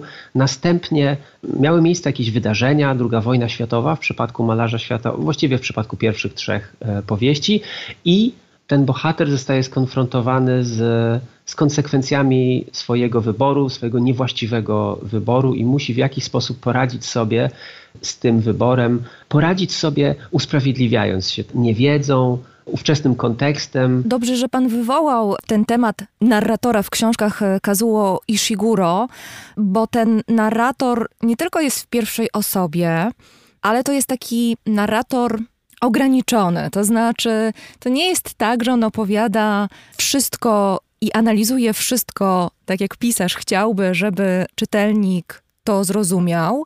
E, czytelnik musi być bardzo uważny i bardzo czujny chyba czytając książki Kazuo Ishiguro, no bo jeżeli tak spojrzeć e, na okruchy dnia, to mówiąc naszym współczesnym językiem, narratorem jest dysfunkcyjny starszy mężczyzna i nie należy ufać we wszystko, co on pisze. Trzeba patrzeć poza to, co on pisze. To prawda, to prawda. E, w języku angielskim w literaturoznawstwie funkcjonuje takie pojęcie unreliable narrator, czyli narrator dosłownie zawodny. I tutaj są różne, różnego rodzaju zawodności narratora. Może ona wynikać z tego, że boryka się na przykład z jakąś przypadłością, czy nawet chorobą psychiczną. Wściekłość i wrzask Williama Faulknera jest takim przypadkiem. Narrator może się borykać z, z problemami z pamięcią, am, amnezja e, może być przyczyną. Natomiast u Ishiguro właściwie zawsze przyczyną jest świadomość gdzieś tam głęboko, e, że popełnili e, bardzo poważne błędy. I, I tutaj działa taki mechanizm wyparcia, zakłamywania tego, i, i każdy z nich próbuje ocalić e, taką iluzję, że przeżyli życie e, we, we, właściwy sposób. Mam wrażenie, że oni jednocześnie okłamują siebie i okłamują czytelnika i Shiguro zmieniając kostiumy gatunkowe, geograficzne, właściwie cały czas powraca do tego tematu, jak radzimy sobie z przeszłością, która jest traumatyczna, e, w której kryją się różnego rodzaju wydarzenia czy wybory, o których wolelibyśmy zapomnieć albo które e, albo prawda, rzeczy, które wolelibyśmy zrobić inaczej, ale ja tutaj cały czas, przepraszam, zdaję sobie sprawę, że ja odpowiedziałem tylko na jedną część Pani pytania, natomiast tę angielskość zupełnie pominąłem. No właśnie, bo tak jak Pan mówi, to te powieści Kazuo Ishiguro są opowieściami o świecie utraconym, prawda? O utraconej nadziei, o utraconej szansie, ale też o jakimś świecie, który odchodzi, który się rozpada na oczach y, bohaterów tych powieści bardzo często. Jakiś taki jest bardzo bolesny i ogromny ładunek nostalgii, także w okruchach dnia, na których się w tym momencie tak mocno skupiamy, bo to z jednej strony jest ten rozpad imperium, z drugiej strony to jest y, utrata złudzeń, tych złudzeń, które sam Stevens y, miał w stosunku do Lorda Darlingtona, prawda, który obnaża tą swoją mroczną e, tajemnicę na samym końcu. To jest jakaś taka też koncepcja zła przyczajonego, które drzemie w tej zwodniczej idylii. To jest jakaś analiza angielskości, czy jakaś krytyka angielskości u Ishiguro? Zdecydowanie tak. Jeśli mógłbym zacząć od tego zmierzchu imperium, o którym już nieraz pani dzisiaj wspomniała, to jest rzeczywiście, można powiedzieć, kluczowy temat okruchów dnia, mimo że nie jest on właściwie ani razu nazwane, prawda? E, tak. Wspomniane. Tak, tak. Wiadomo, że w narracji pierwszoosobowej dostęp mamy wyłącznie do perspektywy właśnie narratora, który nie chce e, dopuścić do siebie świadomości zmierzchu imperium. I tutaj bardzo symptomatyczne jest osadzenie akcji Okruchów Dnia w lipcu 1956 roku. E, Stevens prowadzi dziennik i Okruchy Dnia mają e, postać takich zapisków w dzienniku. Dzień pierwszy, dzień drugi, ale Stevens też skrzętnie notuje, jaki to jest dzień. I, i gdyby przeanalizować, co się działo w tych dniach w lipcu 1956 roku, zobaczylibyśmy, że są to dni, które mm, są epicentrum kryzysu sueskiego, który e, z dzisiejszej perspektywy, ale już z tej perspektywy oczywiście lat 80., kiedy już Ishiguro pisał tę powieść, e, który uznawany był za symboliczny może koniec imperium. To był taki moment, kiedy prezydent Nasser, prezydent Egiptu, ogłosił nacjonalizację kanału sueskiego, w którym bardzo duże udziały miała Wielka Brytania. I ta nacjonalizacja oznaczała, że Wielka Brytania traci dostęp, traci też stopień własności. Sam fakt, że powieść jest e, osadzona w tym momencie, a Stevens, który twierdzi wielokrotnie, że e, jest bardzo dobrze zorientowany w sprawach e, międzynarodowych, ani razu o tym kryzysie sueskim nie wspomina, interpretowane jest przez krytyków jako bardzo jasny sygnał, że on nie tyle o tym nie słyszał. My widzimy, że Stevens czyta gazety, zresztą o tym też wspomina, ale on tego nie dopuszcza do, do swojej świadomości. Losy Stevensa indywidualne e, są sprzężone z, z losami imperium. Jedno i drugie musi pogodzić się z tym, że jest już cieniem potęgi jeszcze sprzed kilku lat. E, I jeszcze nawiązując do nostalgii, mm, jak najbardziej. Nostalgia to jest e, też kolejny klucz, bym powiedział, interpretacyjny do, do powieści e, Ishiguro. Powiedziałbym, że okruchy dnia i kiedy byliśmy sierotami, o, o, tej powieści jeszcze nie wspomnieliśmy, też bardzo istotna powieść tutaj w kontekście angielskości i tego takiego kolonialnego kontekstu. Kiedy byliśmy sierotami, Ishiguro napisał w 2000 roku, uzyskał nominację do Bookera za tę książkę, choć uważa ją za, za swoją najmniej udaną powieść. Opowiada ona losy młodego Brytyjczyka, który mieszka w Szanghaju razem ze swoimi rodzicami, którzy pełnią eksponowane funkcje w Chinach jeszcze kontrolowanych przez Anglię przed wybuchem II wojny światowej. I tutaj mamy to takie dziedzictwo e, angielskiego kolonializmu. I ta główna postać Christopher Banks e, w pewnym momencie zostaje dotknięty e, amnezją, i tutaj ta amnezja była też interpretowana jako symbol szerszej amnezji która dotknęła Wielką Brytanię, czyli zapomnienia o różnego rodzaju zbrodniach i przestępstwach, których Brytyjczycy dopuścili się chociażby w Chinach. Też można wspomnieć wojny burskie i, i wiele innych. Więc Ishiguro rzeczywiście jest takim bardzo krytycznym analitykiem e, Anglii. A jednocześnie subtelnym bardzo, bo on tego nie nazywa wprost, prawda?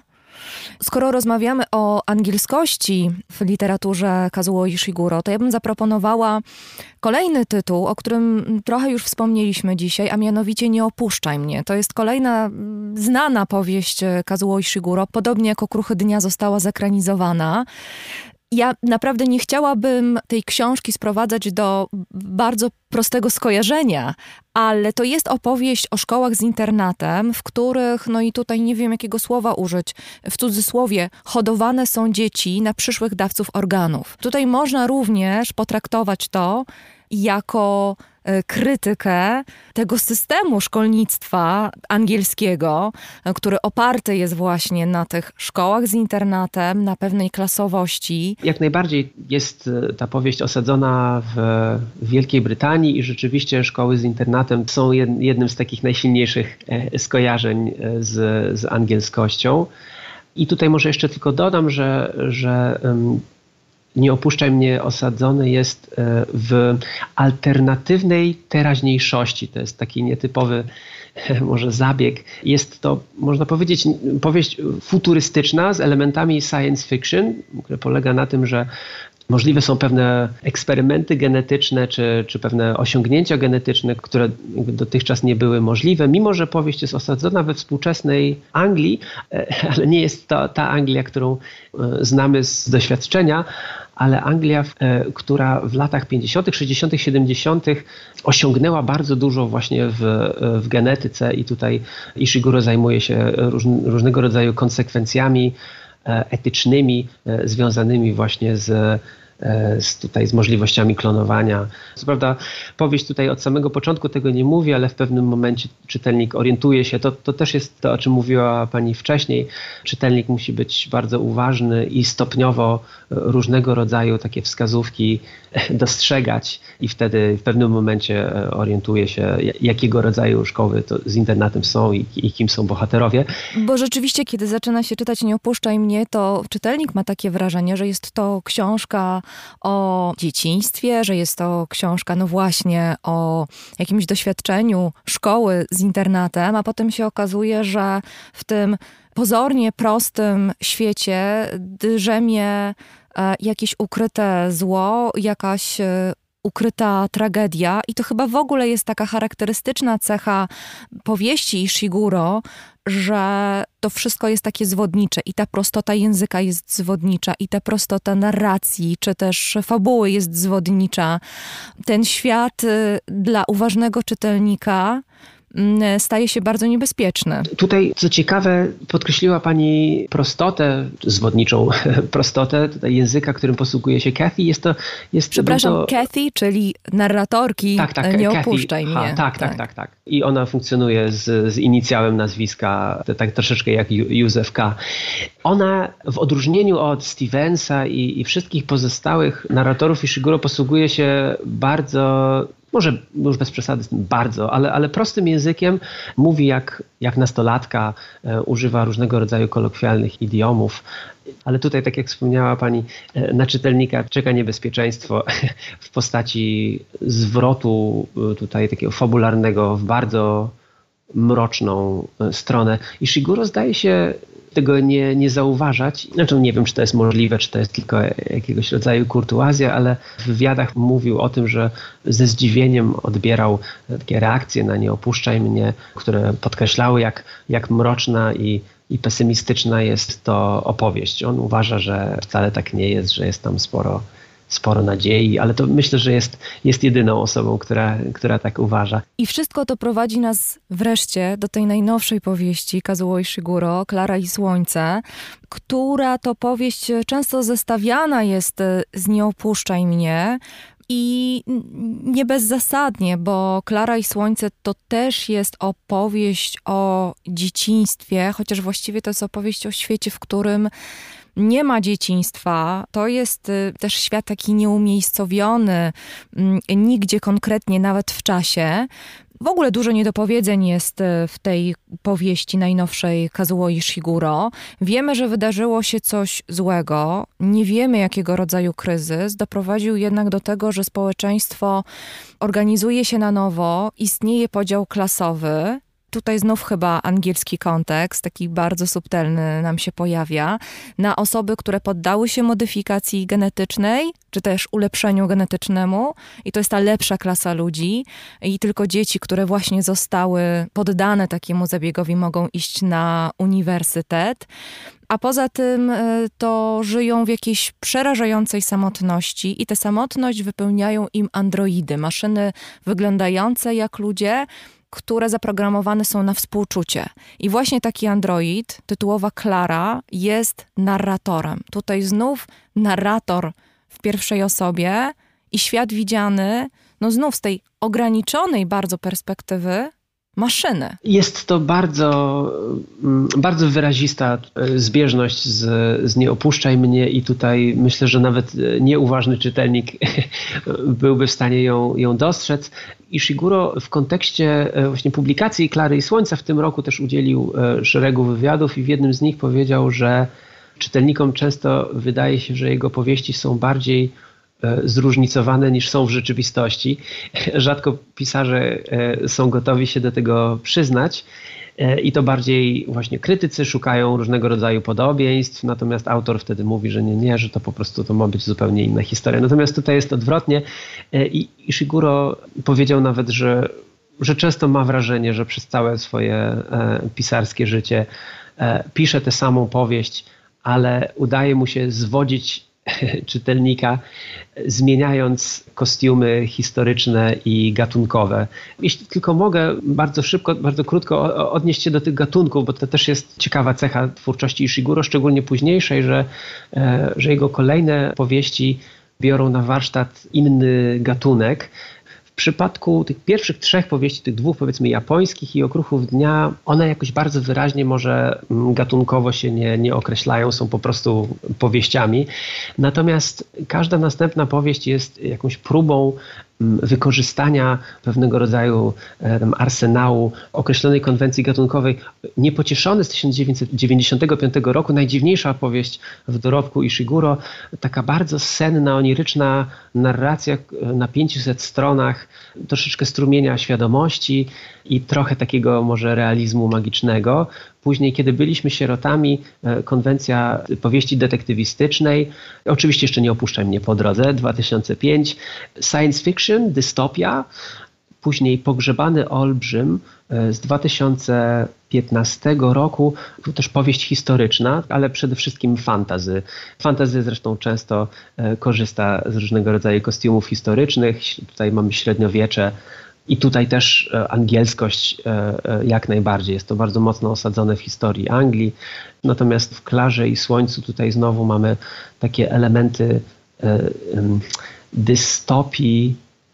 Nie wiem, jak, jak pani by tutaj ten gatunek Klary i Słońca jakoś e, sklasyfikowała. Są tam elementy, no nie wiem, i fantazy, i science fiction, i dystopii. Science fiction też jak najbardziej. E, tutaj ten element e, naukowego postępu i jego konsekwencji społecznych myślę, że jest, że jest bardzo istotny. To jest ciekawe, bo mówi pan o tej różnorodności gatunków, którymi Kazuo Ishiguro się bawi, o tych maskach, kostiumach, które wykorzystuje a jednocześnie te książki, i tutaj mam też na myśli Klarę i Słońce, opowiadają o rzeczach e, podstawowych i najważniejszych, bo Klara i Słońce, e, odejmując cały ten kontekst, e, no właśnie gatunkowy, naukowy, tak naprawdę opowiada o strachu przed śmiercią. A z drugiej strony to też jest trochę taka powieść filozoficzna o tym, kim jest człowiek, czym człowiek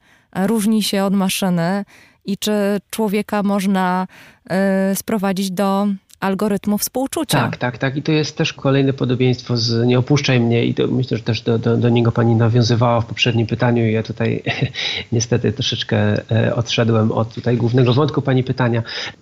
Śmiertelność, może nie tyle tu jest kwestia E, radzenia sobie ze śmiercią bliskiej osoby, chociaż takie, e, takie wątki też u Ishiguro się pojawiają, szczególnie w Klarze jego... i Słońcu na pewno. E, tak, tak, tak. Zdecydowanie tutaj matka Josie musi sobie poradzić z, ze śmiercią pierwszej córki i też obawia się o losy drugiej córki i tutaj w pewnym stopniu tutaj mamy taki, taki pomysł fabularny rodem z, z serialu Black Mirror, Czarne lustro, przepraszam, pojawia się e, pytanie, czy mogłoby być pomocne w, w doświadczeniu straty korzystanie właśnie z Androida, który wyglądałby tak jak osoba, która zmarła, ale też byłby wyposażony e, w. We wszystkie jej cechy charakteru. Tak, tak, tak, tak, tak. Hmm. Czyli właśnie tutaj mamy lęk przed śmiercią bliskiej osoby, y, tutaj doświadczenie żałoby, ale też świadomość własnej śmiertelności. I tutaj bardziej prawda, postać Klary która jest androidem, co prawda, ale tutaj Ishiguro się wpisuje w taki nurt pisarzy, którzy mm, poruszają mm, dylematy etyczne związane z, e, z rozwojem technologii. Philip K. Dick, e, prawda, i, i, i słynny film Łowca Androidów, ekranizacja, prawda, tutaj postać Harrisona e, Forda i też takie dylematy, czym Android właściwie się odróżnia od, od człowieka. No i ten, to samo pytanie zadaje Ishiguro. Ewidentnie próbuje uwrażliwić czytelnika na, na to, co Klara myśli i czuje. Tutaj sugeruje, że maszyna, którą jest Klara, jest zdolna do odczuwania lęku, też niepokoju, um, Zastanawiam się, jakie tutaj są jeszcze domi- dominujące. Wie pan, ja mam takie wrażenie, że Klara jest najbardziej empatyczną postacią w tej książce, że ona pod względem wrażliwości e, przewyższa e, ludzi. I to jest niepokojące samo w sobie. Mm, Też taka, widać to w jej e, skłonności do ponoszenia ofiary z samej siebie. Na przykład Stanley tak. Kubrick w, w takiej słynnej sekwencji w Odysei Kosmicznej, gdzie jest taki komputer pokładowy HAL, który w pewnym momencie uznaje, że nie wpuści człowieka, który nim zarządzał, z powrotem na pokład pojazdu kosmicznego, ponieważ e, nie ufa już temu człowiekowi i ma wrażenie, że sam jako komputer lepiej posteruje statkiem. Więc w naszej kulturze popularnej jest też bardzo wyraźny taki motyw technologii czy robota, który w pewnym momencie się uniezależnia od człowieka i, i chce przejąć kontrolę. Ale zwykle to był, tak jak w kontekście Kubricka, to o czym pan mówi, to jednak był strach przed tym usamodzielnieniem się robotów. Tak, Mam tak. wrażenie, że tutaj u Kazuo Ishiguro to jest bardziej strach przed tym, czym stajemy się my jako ludzie i co oddajemy robotom, e, co oddajemy tym maszynom, bo e, też ten wątek poświęcenia, o którym pan wspomniał, to jest jakaś cecha religijna. I w ogóle tutaj ten świat religii przestaje być e, światem ludzi i wchodzi do świata maszyn, co jest e, no, bardzo przewrotne. I może być niepokojące, bo to jest refleksja nie tyle nad e, przyszłością świata maszyn, tylko nad tym, czym my stajemy się jako ludzie. To prawda, wątek religijny, czy, czy tematyka religijna, powiedziałbym, w bardzo małym stopniu e, pojawiała się dotychczas u Ishiguro. Powiedziałbym, że była właściwie nieobecna. Sam Ishiguro też określa się jako albo jako agnostyk, albo jako ateista, więc, więc tutaj on jakoś rzeczywiście nie, nie specjalnie interesował się dotychczas tym, ale rzeczywiście w Klarze i Słońcu to jest prowadzone w dość, na początku w dość subtelny sposób i tutaj w pewnym momencie może mnie się wydało to troszeczkę może zbyt, zbyt jasno powiedziane. W ogóle powiedziałbym, że, że w Klarze i Słońcu Ishiguro trochę więcej mówi, oczywiście nie wiadomo, nie swoimi ustami, ale, ale ustami bohaterów, więcej daje takich wskazówek interpretacyjnych. Można byłoby, mam wrażenie, pewne wnioski, do których ta, ta powieść zdaje się do, do, dochodzić, e, wyrazić za pomocą cytatów e, czy słów wypowiadanych przez niektóre postaci, co wydaje mi się pewną słabością tej, tej powieści, że, że tam troszeczkę mniej pracy ma czytelnik, co oczywiście no, niekoniecznie musi być postrzegane jako wada, ale na pewno ta potrzeba bycia skupionym e, w poprzednich powieściach Ishiguro było, było, była uznawana za jakąś taką przejaw pewnej finezji. Też jeden z krytyków e, brytyjskich pisał o tym, że Ishiguro większość takiej pracy interpretacyjnej e, wykonuje za, e, za czytelnika i że te zł- różne złożone tematy, które, tak jak mówiliśmy, tutaj się przewijają od, od samego początku jego twórczości, są nieco bardziej wyraziście może poprowadzone i takie trochę pchające czytelnika do, do pewnych wniosków, co może komuś odpowiadać bardziej y, lub mniej. Ja wyczuwam, że panu to nieco mniej odpowiada i żeby nie kończyć tej naszej rozmowy na nucie rozczarowania tą ostatnią powieścią, chciałam pana zapytać, może już mniej jako literaturoznawcę, bardziej jako czytelnika, za co pan e, Kazuo Ishiguro najbardziej lubi? Na czym polega przyjemność czytania e, książek Kazuo Ishiguro dla pana? Mhm. Nie powinienem się tak długo zastanawiać, jako, jako osoba, która jednak po, po, poświęciła mu y, kilka s- solidnych lat swojej pracy, ale to też nie, był, nie była to tylko praca. Ja też sobie wybrałem y, twórczość Ishiguro jako, jako materiał do pracy naukowej ponieważ te powieści wydały mi się czymś naj, naj, naj, najbardziej ciekawym, do czego miałem dostęp. Na pewno w dużej mierze powiedziałbym, że o bardzo wysokiej wartości Shiguro stanowi to, że, mm, że tutaj czytelnik ma, ma poczucie, że musi, że posłuży się angielskim idiomem stand on one's toes, czyli trzeba tutaj być cały czas na, na paluszkach jakby, żeby tutaj niczego nie, nie uronić i nie przeoczyć. Bardzo ciekawi mnie tematyka pamięci, i różnego rodzaju takie strategie, które e, ludzie przyjmują, by jakoś radzić sobie z różnego rodzaju wydarzeniami z przeszłości i u Shiguro jest to, jest to centralny temat. E, Nadal moją ulubioną powieścią e, Ishiguro są Okruchy Dnia i jest to może taki wybór e, mało, mało oryginalny. Jest to oczywiście najbardziej znana powieść, powie, jedyna z jego powieści, która otrzymała nagrodę Bookera i wiadomo powstał słynny film, ale jest to powieść bardzo wzruszająca i wydaje mi się, że jest to bardzo niezwykłe osiągnięcie, żeby e, osiągnąć taki em, emocjonalny efekt w powieści, która na powierzchni e, w ogóle tych emocji e, nie dopuszcza do siebie. Ale też taka fantazja o, o takiej Anglii e, i z zielonymi trawnikami i, i dworkami, to też myślę dla, dla kogoś takiego jak ja, który tam marzył o, o, o, nie wiem, o wyjeździe do Anglii, o nie wiem, studiowaniu anglistyki, że taka, taka wizja nawet na, na takim poziomie właśnie niepogłębionym, wiadomo, że kiedy się wczytujemy bardziej w okruchy dnia, widzimy, że jest to um, trochę gorzka refleksja na temat tej takiej angielskości. I, Tej i pięknej fasady. tak, tak, ale myślę, że na pewnym poziomie ta wizja, mimo że kwestionowana czy podważana, jest nadal bardzo atrakcyjna i myślę, że ten film z Antonym Hopkinsem też, też gra tymi, tymi obrazami pięknymi. To, to, to jest też bardzo przyjemne. Jest to iluzja e, i Shiguro twierdzi, że taka Anglia nigdy nie istniała, a jeśli istniała czy istnieje, to tylko, to tylko w naszych głowach, ale, ale mimo wszystko jak Ishiguro pokazuje, iluzja jest naszym towarzyszem i akurat może dla nas może taka iluzja takiej e, sielankowej Anglii nie jest jakoś groźna. E, możliwe, że będąc Anglikiem lepiej sobie na coś takiego nie pozwalać i mieć, i mieć świadomość różnego rodzaju takich politycznych i ideologicznych uwarunkowań takiego obrazu. To jest też Anglia e, z czasów, kiedy e, nie było napływu imigrantów po II wojnie światowej, więc jest to tutaj też wielu e, literaturoznawców i sami Shiguro mówili o tym, że jest to o tyle też niebezpieczna wizja, ponieważ ona troszeczkę idealizuje stan takiej jakby czystej Anglii, e, co tutaj znowu może nam się kojarzyć z tymi ideami czystości rasy, które w latach 30. e, były bardzo nośne. Trzeba rzeczywiście być bardzo, bardzo czujnym, czytając Kazuo Ishiguro i nie poddawać się, a momentami może poddawać się tym iluzjom, ale tylko na moment, bo Kazuo Ishiguro, jak pan podkreślił, jest e, pisarzem bardzo wymagającym i tej uwagi, i tych refleksji, i tej ostrożności od nas, od czytelników wymaga, co być może jest e, jedną z najatrakcyjniejszych cech tej literatury.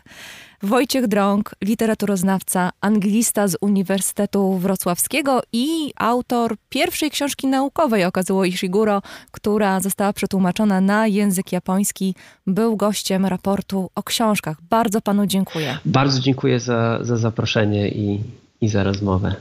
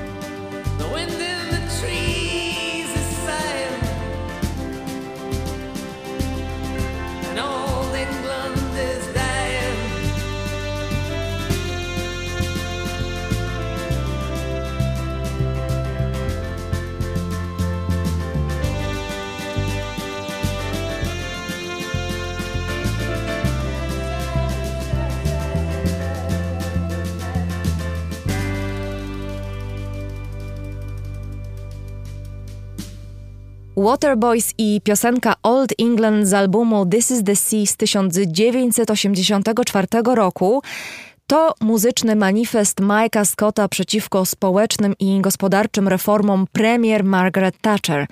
Tekst tej piosenki jest zresztą pełen literackich inspiracji, bo fraza Old England is dying pochodzi z Ulyssesa Jamesa Joyce'a.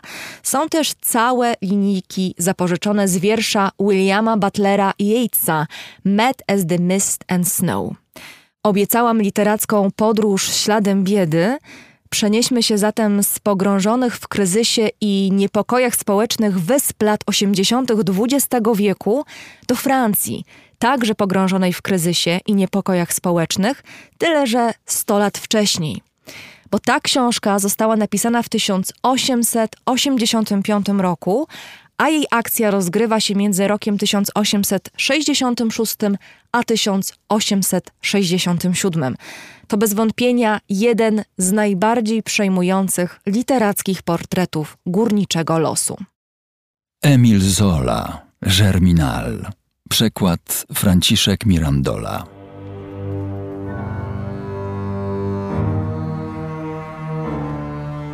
Noc była głęboka, na niebie nie błyszczała ani jedna gwiazda, nie można było rozróżnić przedmiotów na odległość kilku kroków. Drogą z Marchien do Montsou, biegnącą prosto jak strzelił, przez pola zarosłe burakami, szedł człowiek. Nie widział ni drogi, po której kroczył, ni linii horyzontu, gdzie niebo czarne stykało się z równiną. Wiatr jeno-marcowy, gwałtowny, bił go po piersi i twarzy. Wiatr hulający niby po morzu, po tych rozłogach, zimny, niosący wilgoć bagien, brutalny, nieustający. Dokoła nic w ciemności, ni sylwetki drzewa, ni zarysów wzgórza. Nic. Człowiek ów wyszedł z Marszien około drugiej w nocy, ubrany jeno w cienki bawełniany kaftan i spodnie z wełnianego pluszu i do tej pory szedł szybkim krokiem, drżąc z zimna. Pod pachą gniótł małe zawiniątko, któremu bardzo zawadzało. Przekładał je ustawicznie i przyciskał do siebie, usiłując obie posiekane od chłodu ręce wsunąć do kieszeni spodni. Miał tylko jedną myśl, nadzieję biednego, bezdomnego robotnika bez pracy, że świtem wiatr przycichnie i zrobi się nieco cieplej. Tak szedł i szedł, aż wreszcie dwa kilometry przed Monsu ujrzał światło trzech palących się na wolnym powietrzu stosów węgla. Umieszczone były one jakby gdzieś wysoko i zdawały się bujać w powietrzu. Zrazu zawahał się, niepewny i gotów zawrócić, ale potem poszedł dalej, nie mogąc się oprzeć chęci ogrzania się choćby na chwilę u ognia.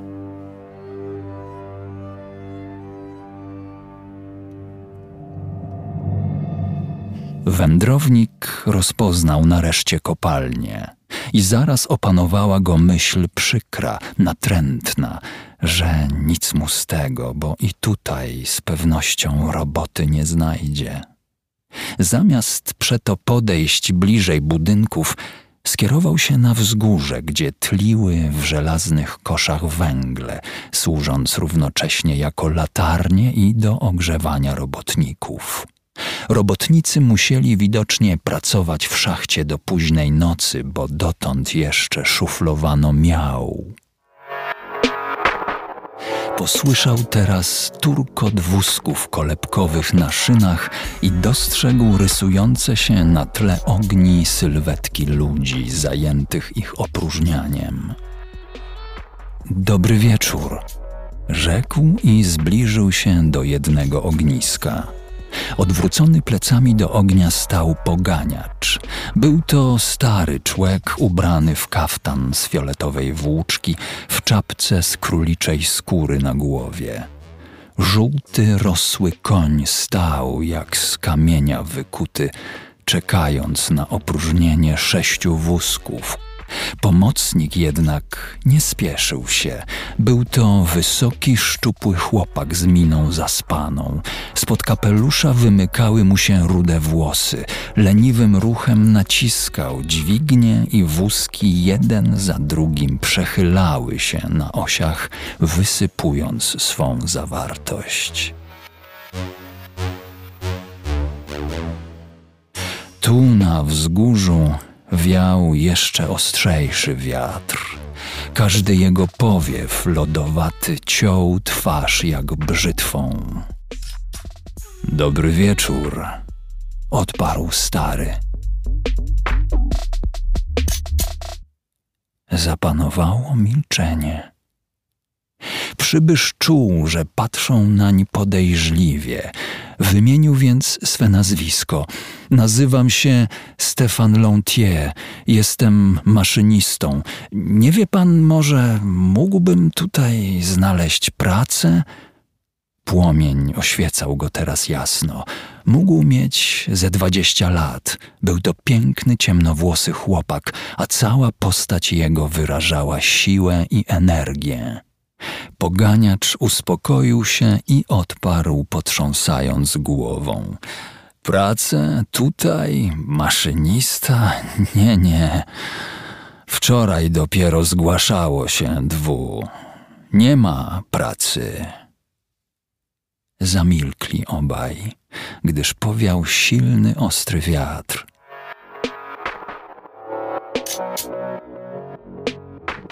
Po chwili Stefan, wskazując na ponurą grupę domów u stóp wzgórza, spytał: To kopalnia węgla, prawda? Stary nie mógł zaraz odpowiedzieć. Porwał go silny kaszel, wstrząsający całym jego ciałem. Wreszcie splunął, a flegma na zaróżowioną od ognia ziemię padła czarną plamą. Tak, kopalnia węgla, Woru. Domy robotnicze stoją tutaj opodal, widzi pan? Ręką wskazał na domy wioski rozłożonej w kotlinie, które Stefan dostrzegł już przedtem. Wózki tymczasem opróżniono, a stary począł iść na sztywnych od reumatyzmu nogach za koniem, który sam, bez bicza, ruszył z miejsca i kroczył powoli między szynami ruchem automatu, nie troszcząc się o wiatr, który mu jeżył grzywę i siekł po oczach, piersi, nogach. Kopalnia Wory zarysowała się teraz wyraźniej, a Stefan, zapomniawszy grzać sobie ręce u ogniska, rozglądał się dokoła. Rozróżnić mógł już poszczególne części fabryki, sortownie o ścianach jakby posmarowanych mazią, wieże szachtów, obszerne zabudowanie mieszczące machinę windy, małą czworogranną wieżyczkę pompy wodnej.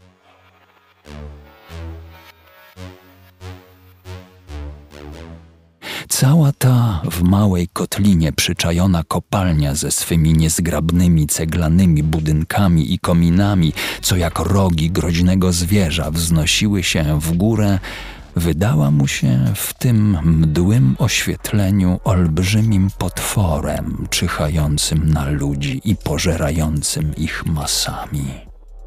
Potem począł myśleć o sobie, o swoim życiu, życiu wagabundy, od kiedy zaczął szukać pracy, to jest od dni ośmiu.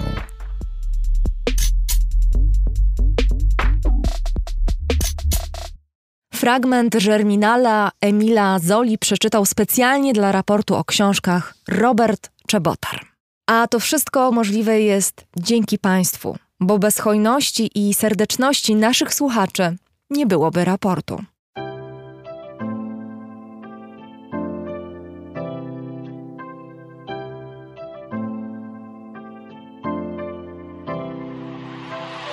Raport o stanie świata od marca ubiegłego roku rozwija się dzięki Państwa zaangażowaniu i szczodrości. To dzięki Wam możemy opowiadać o świecie przy pomocy dźwięków. Dzięki Wam ten program jest przygotowywany w profesjonalny sposób z zachowaniem najwyższej jakości, bo na nią właśnie zasługują słuchacze raportu o stanie świata. Z serca dziękuję wszystkim Państwu za wpłaty. Wasza hojność jest dla mnie ogromnym zobowiązaniem. Zbiórka na patronite.pl ciągle trwa, zachęcam do udziału. Najhojniejsi patroni raportu o stanie świata to artrage.pl książki dostępne dla każdego. Za tyle, ile chcesz zapłacić. Bierz i czytaj. Hotel Bania Termal i Ski w Białce Tatrzańskiej, oferujący rodzinne wakacje z dostępem do term. Firma doradcza Crido. Kantory Kanga, sieć stacjonarnych kantorów kryptowalutowych w Twoim mieście. Firma Prosper z Sosnowca, hurtownia elektroenergetyczna i właściciel marki Czystuś. Firma Venterm z Niepołomic, generalny wykonawca instalacji sanitarnych i odnawialnych źródeł energii. Magda Kras-Gorzkowska, właścicielka marki Miłomi Beauty, najmilszego day spa w Pruszkowie i okolicach www.miłomibeauty.pl Catering dietetyczny Lightbox, oferujący dietę pudełkową z wyborem potraw z różnych kuchni świata. Michał Małkiewicz. Firma Software Mill, od zawsze zdalni, programują dla całego świata. Dom wydawniczy Muza, bo świat nie jest nam obojętny. Uber, myślimy globalnie, działamy lokalnie. A także firma Ampio Smart Home. BIMV.pl, kursy online dla inżynierów. CIO Net and Digital Excellence. Łączymy ludzi i idee. Grupa brokerska CRB. Ubezpieczenie należności dla Twojej firmy. Bezpłatne porównanie ofert www.grupacrb.pl. Mariusz Drużyński. Salony meblowe Faster, Zełku i Białego Stoku wspierają piękne wnętrza. Agata Fischer. Galmet. Polskie pompy ciepła. JMP. Z miłości do sportu, z najlepszych tkanin w sercu Podhala szyjemy dla Was porządną odzież. Palarnia kawy La Cafo z Augustowa. Gosia i Michał Kowalczewscy. Alan Meller. Aplikacja Moja Gazetka. Polska proekologiczna aplikacja zakupowa z gazetkami promocyjnymi i nie tylko. Moja Gazetka. Kupuj mądrze. Muzeum Kinematografii w Łodzi, organizator 31. Festiwalu Mediów Człowiek w Zagrożeniu. Paweł Nowy Nowak. Wydawnictwo SQN, wydawca reportaży Mecz to Pretekst i Republika Samsunga.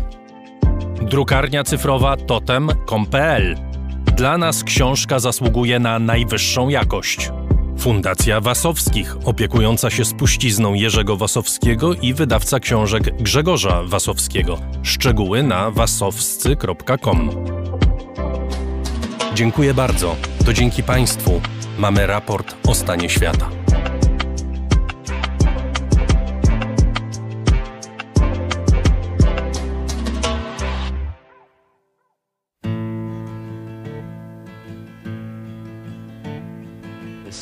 As you're born, they make you feel small.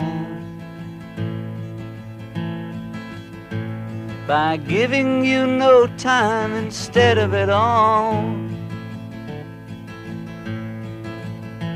Till the pain is so big you feel nothing at all. A working class hero is something to be.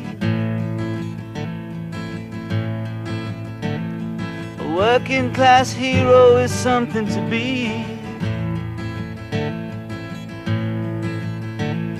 They hurt you at home and they hit you at school. They hate you if you're clever and they despise a fool. Till you're so fucking crazy you can't follow their rules. A working class hero is something to be. A working class hero is something to be. When they've tortured and scared you for 20 odd years. Then they expect you to pick a career. When you can't really function, you're so full of fear. A working class hero is something to be. A working class hero is something to be. Keep you doped with religion and sex and TV. You think you're so clever and classless and free. But you're still fucking peasants as far as I can see. A working class hero is something to be. A working class hero is something to be.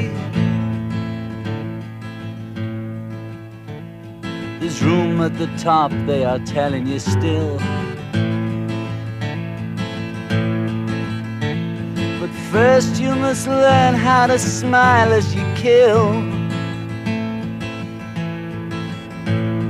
If you want to be like the folks on the hill. A working class hero is something to be.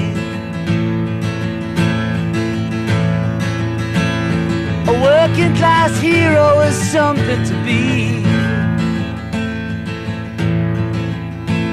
If you want to be a hero, well, just follow me.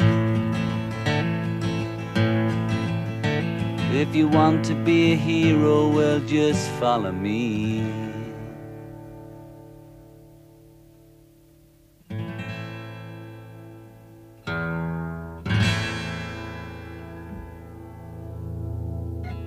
John Lennon i Working Class Hero, piosenka z roku 1970, to przedostatni brytyjski akcent w tym raporcie o książkach. Teraz przenosimy się na drugi brzeg Atlantyku, bo tam, w południowym Ohio, znajduje się kolejny przystanek literackiego szlaku śladem biedy. Ta książka, fragment której za chwilę Państwo usłyszą, ukazała się w zeszłym roku. To jest momentami porażająca, choć z pewnością niepozbawiona humoru opowieść o dorastaniu w biednym miasteczku w amerykańskim pasie rdzy. To także wnikliwa analiza kultury białych Amerykanów z klasy robotniczej. Socjologowie od dawna starają się dotrzeć do sedna problemów białej amerykańskiej klasy robotniczej – bezrobocie, rozwody, uzależnienia. Tymczasem J.D. Vance doświadczył ich na własnej skórze i opisał w taki sposób, byśmy wszyscy zrozumieli, jak trudno wyrwać się z zaklętego kręgu biedy. Napisał o tej książce The Washington Post. James David Vance Elegia dla bidoków. Przekład Tomasz S. Gałązka. Koleżanka mojej siostry mieszkała z matką. Tato dopiero była królową socjalu w małym bliźniaku. Miała siódemkę rodzeństwa, w większości od jednego ojca, a to niestety rzadkość. Jej matka w życiu nie skalała się pracą. Wydawało się, że interesował ją tylko rozród, jak to ujmowała mama. Dzieci tej kobiety miały w życiu zero szans. Jedną z córek zagarnął brutalny chłopak i dorobili się dziecka, zanim młoda matka zyskała prawo do samodzielnego kupowania papierosów. Najstarszy syn przedawkował i trafił do aresztu niedługo po ukończeniu liceum. Tak właśnie wyglądał mój świat. Świat naprawdę irracjonalnych posunięć.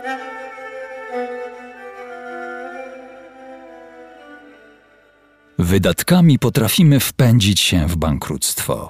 Fundujemy sobie wielkie telewizory i iPady. Nasze dzieci noszą fajne ciuchy dzięki kartom kredytowym na wysoki procent i chwilówkom. Kupujemy zbyt duże domy, zaciągamy kolejne kredyty pod ich zastaw, żeby mieć na bieżące wydatki, po czym ogłaszamy niewypłacalność i wynosimy się gdzieś indziej, często zostawiając zadłużony dom pełen śmieci. Oszczędność jest sprzeczna z naszą naturą. Wydajemy pieniądze, bo chcemy udawać klasę wyższą, a kiedy już sprawa się rypnie, gdy trzeba ogłosić bankructwo albo ktoś z rodziny płaci za naszą głupotę, zostajemy z niczym. Nie ma z czego opłacić studiów dzieciom, nie ma pomnażających majątek inwestycji, nie ma poduszki finansowej na wypadek utraty pracy. Wiemy, że nie powinniśmy tak szastać pieniędzmi. Czasem sami to sobie wypominamy, ale i tak to robimy. Nasze domy rodzinne to piekielny chaos. Wrzeszczymy, wydzieramy się na siebie niczym kibice na meczu. Co najmniej jeden członek rodziny używa narkotyków. Czasem ojciec, czasem matka. Bywa, że oboje. W skrajnie stresujących chwilach bijemy się i kopiemy, oczywiście na oczach pozostałych członków rodziny, w tym małych dzieci. W większości przypadków sąsiedzi też słyszą, co się dzieje. Zły dzień jest wtedy, gdy sąsiedzi wezwą policję na interwencję w naszym dramacie. Nasze dzieci trafiają do rodziców zastępczych, ale nigdy na długo. Prosimy dzieci o przebaczenie. One wierzą, że to szczere prośby, bo też takie są, ale mija parę dni i znów zachowujemy się dokładnie tak samo wrednie.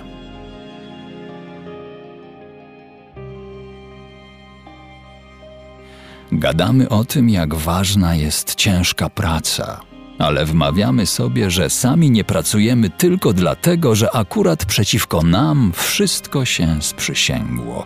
A to Obama pozamykał kopalnie węgla, a to wszystkie zakłady produkcyjne wyniosły się do Chin. Tak właśnie sami siebie okłamujemy, żeby obejść dysonans poznawczy, zerwane więzi między światem, który widzimy dokoła, a wartościami, które głośno wyznajemy. Mówimy dzieciom, że mają być odpowiedzialne, ale sami nie dajemy im przykładu. Jest tak. Przez lata marzyłem o tym, żeby mieć szczeniaka owczarka niemieckiego. Mama skądś mi takiego wytrzasnęła. To był jednak nasz czwarty pies, a ja nie miałem pojęcia, jak go wytresować. Minęło parę lat i wszystkie psy znikły, oddane policji miejskiej albo znajomym rodziny. Kiedy żegnasz się z czwartym psem, masz już twardsze serce. Uczysz się, żeby do niczego zanadto się nie przywiązywać.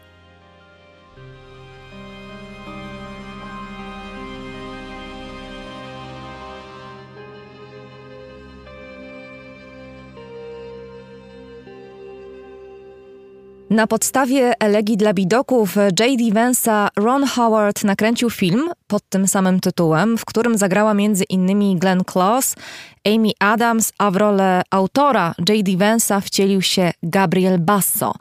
To była druga adaptacja filmowa reportażu o biednej Ameryce w roku 2020, bo przypomnę o książce i filmie Nomadland. Książka Jessica Bruder zebrała świetne recenzje, film dostał Oscara. Mieliśmy zresztą okazję niedawno gościć Jessica Bruder w raporcie o stanie świata. To był więc taki rok, kiedy ta Ameryka, która do tej pory była w pewnym sensie niewidzialna, została opisana. Jaką Amerykę opisuje w swojej książce Ayat Akhtar? To jest pytanie do Dariusza Rosiaka, który jest ze mną w studiu z książką Homeland Elegies. Witam cię bardzo serdecznie. Dzień dobry. Podałam tytuł angielski, bo książka nie została do tej pory przetłumaczona na język polski. Y, ale powiedzmy może na początku, że to jest taka książka chyba trochę w kontrze do tych dwóch y, tytułów, które wymieniłam, czyli do Elegii dla Widoków i Nomadland, bo y, to nie jest opowieść o biednych Amerykanach, tylko to jest opowieść o Ameryce, która nie toleruje biednych ludzi, w której nie ma miejsca dla tych biednych ludzi. Może zacznę od tego, że Podałaś tytuł Elegia, e, Elegia dla bidoków, e, znany film i znana książka, ale e, być może warto przetłumaczyć tytuł książki Ayada Achtara jako elegię dla ojczyzny, a może trenę dla ojczyzny, bo to jest opis świata pozbawionego empatii, świata zdominowanego przez pieniądz i świata rzeczywiście nietolerancyjnego. To nie jest książka o biednych ludziach. To jest książka opowiedziana przez człowieka sukcesu, który nie może odnieść sukcesu z definicji, gdyż jest muzułmaninem y, mieszkającym w Stanach Zjednoczonych. To jest w ogóle treść tej książki. Dlaczego Ameryka nie jest w stanie zaakceptować pakistańskiego muzułmanina u siebie? Nie pakistańskiego muzułmanina, który przybył do Ameryki, tylko człowieka, który się urodził w Ameryce, który przeszedł przez cały system szkolnictwa amerykańskiego, który został uznanym pisarzem amerykańskim. A mimo to po 11 września zadaje sobie pytanie, czy to jest jego kraj. On na sam koniec, nie, nie zdradzam wielkiej tajemnicy, bo myślę, że to nie jest thriller, ani powieść z kluczem, więc y, jak powiem, że odpowiada sobie na to pytanie, tak, to jest mój kraj, nie ma żadnego innego kraju. Nie ma żadnego innego kraju, do którego mógłbym wrócić. Nie ma żadnego innego kraju, do którego ci wszyscy ludzie, którzy mnie nie tolerują, mnie odsyłają. Ja po prostu nie mam innej ojczyzny. Ale ta książka jest próbą zmierzenia się z tym właśnie pytaniem, czym jest ojczyzna, czym jest dla mnie, dla człowieka, który zawsze będzie na zewnątrz, nawet będąc wybitnej e, klasy pisarzem, zdobywającym nagrody. Mm, Dlaczego ta ojczyzna jest jakimś tworem nie do końca moim, trochę obcym? To jest Ameryka, która nie jest tolerancyjna dla ludzi biednych. To jest Ameryka, która nie jest e, tolerancyjna dla ludzi obcych, nawet jeżeli ta obcość jest e, poniekąd e, tworem politycznym czy tworem społecznym, bo tak jak powiedziałeś, Ayat Achtar urodził się w Stanach Zjednoczonych, a jednocześnie ta jego perspektywa patrzenia na Amerykę jest bardzo mocno dotknięta doświadczeniem imigranta, którym to imigrantem on nigdy nie był. Jego rodzice byli imigrantami. Jego doświadczenie, kulminacyjnym punktem jego życia i punktem przełomowym jest 11 września. On mówi o tym, że przed 11 września, tak samo jego rodzice to mówią, pochodzący z Pakistanu, czy można powiedzieć z Indii, bo to nie tylko to doświadczenie y, amerykańskie, zwłaszcza matkę naznaczyło, ale przede wszystkim doświadczenie podziału, czyli tego, co działo się w 1947 roku y, w Indiach wówczas, zanim jeszcze kraj został podzielony, y, tej ogromnej, nieprawdopodobnej fali przemocy, która zalewała ten kraj, w której mordowali się wszyscy nawzajem i która skłoniła zresztą tę rodzinę do, do emigracji. On y, rodzi się w 70 roku.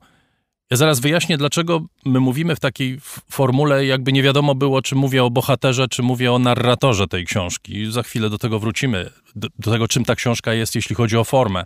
Ale teraz koncentruję się na, na treści, opowiadając o tym, o jakiej Ameryce Ayad Achtar opowiada. To jest y, kwestia rasy, to jest jedna rzecz, ale on opisuje doświadczenie y, amerykański, człowieka, który wierzy w amerykańskie marzenie i który odkrywa ułomność tego marzenia, w tym sensie, że zdaje sobie sprawę, że to marzenie jest oparte na ideale komercyjnym. I dochodzi do wniosku, że nie można oprzeć budowy społeczeństwa na obietnicy szczęścia, które jest składane każdemu indywidualnie. Bo taki jest pomysł na budowę Ameryki. On tak, uzna, tak, tak widzi istotę rzeczy. Ameryka to jest świat stworzony dla konsumentów, to znaczy Ameryka to jest świat, w którym obowiązują zasady konsumenckie, w tym główna zasada to jest dobre jest to, co służy robieniu pieniędzy.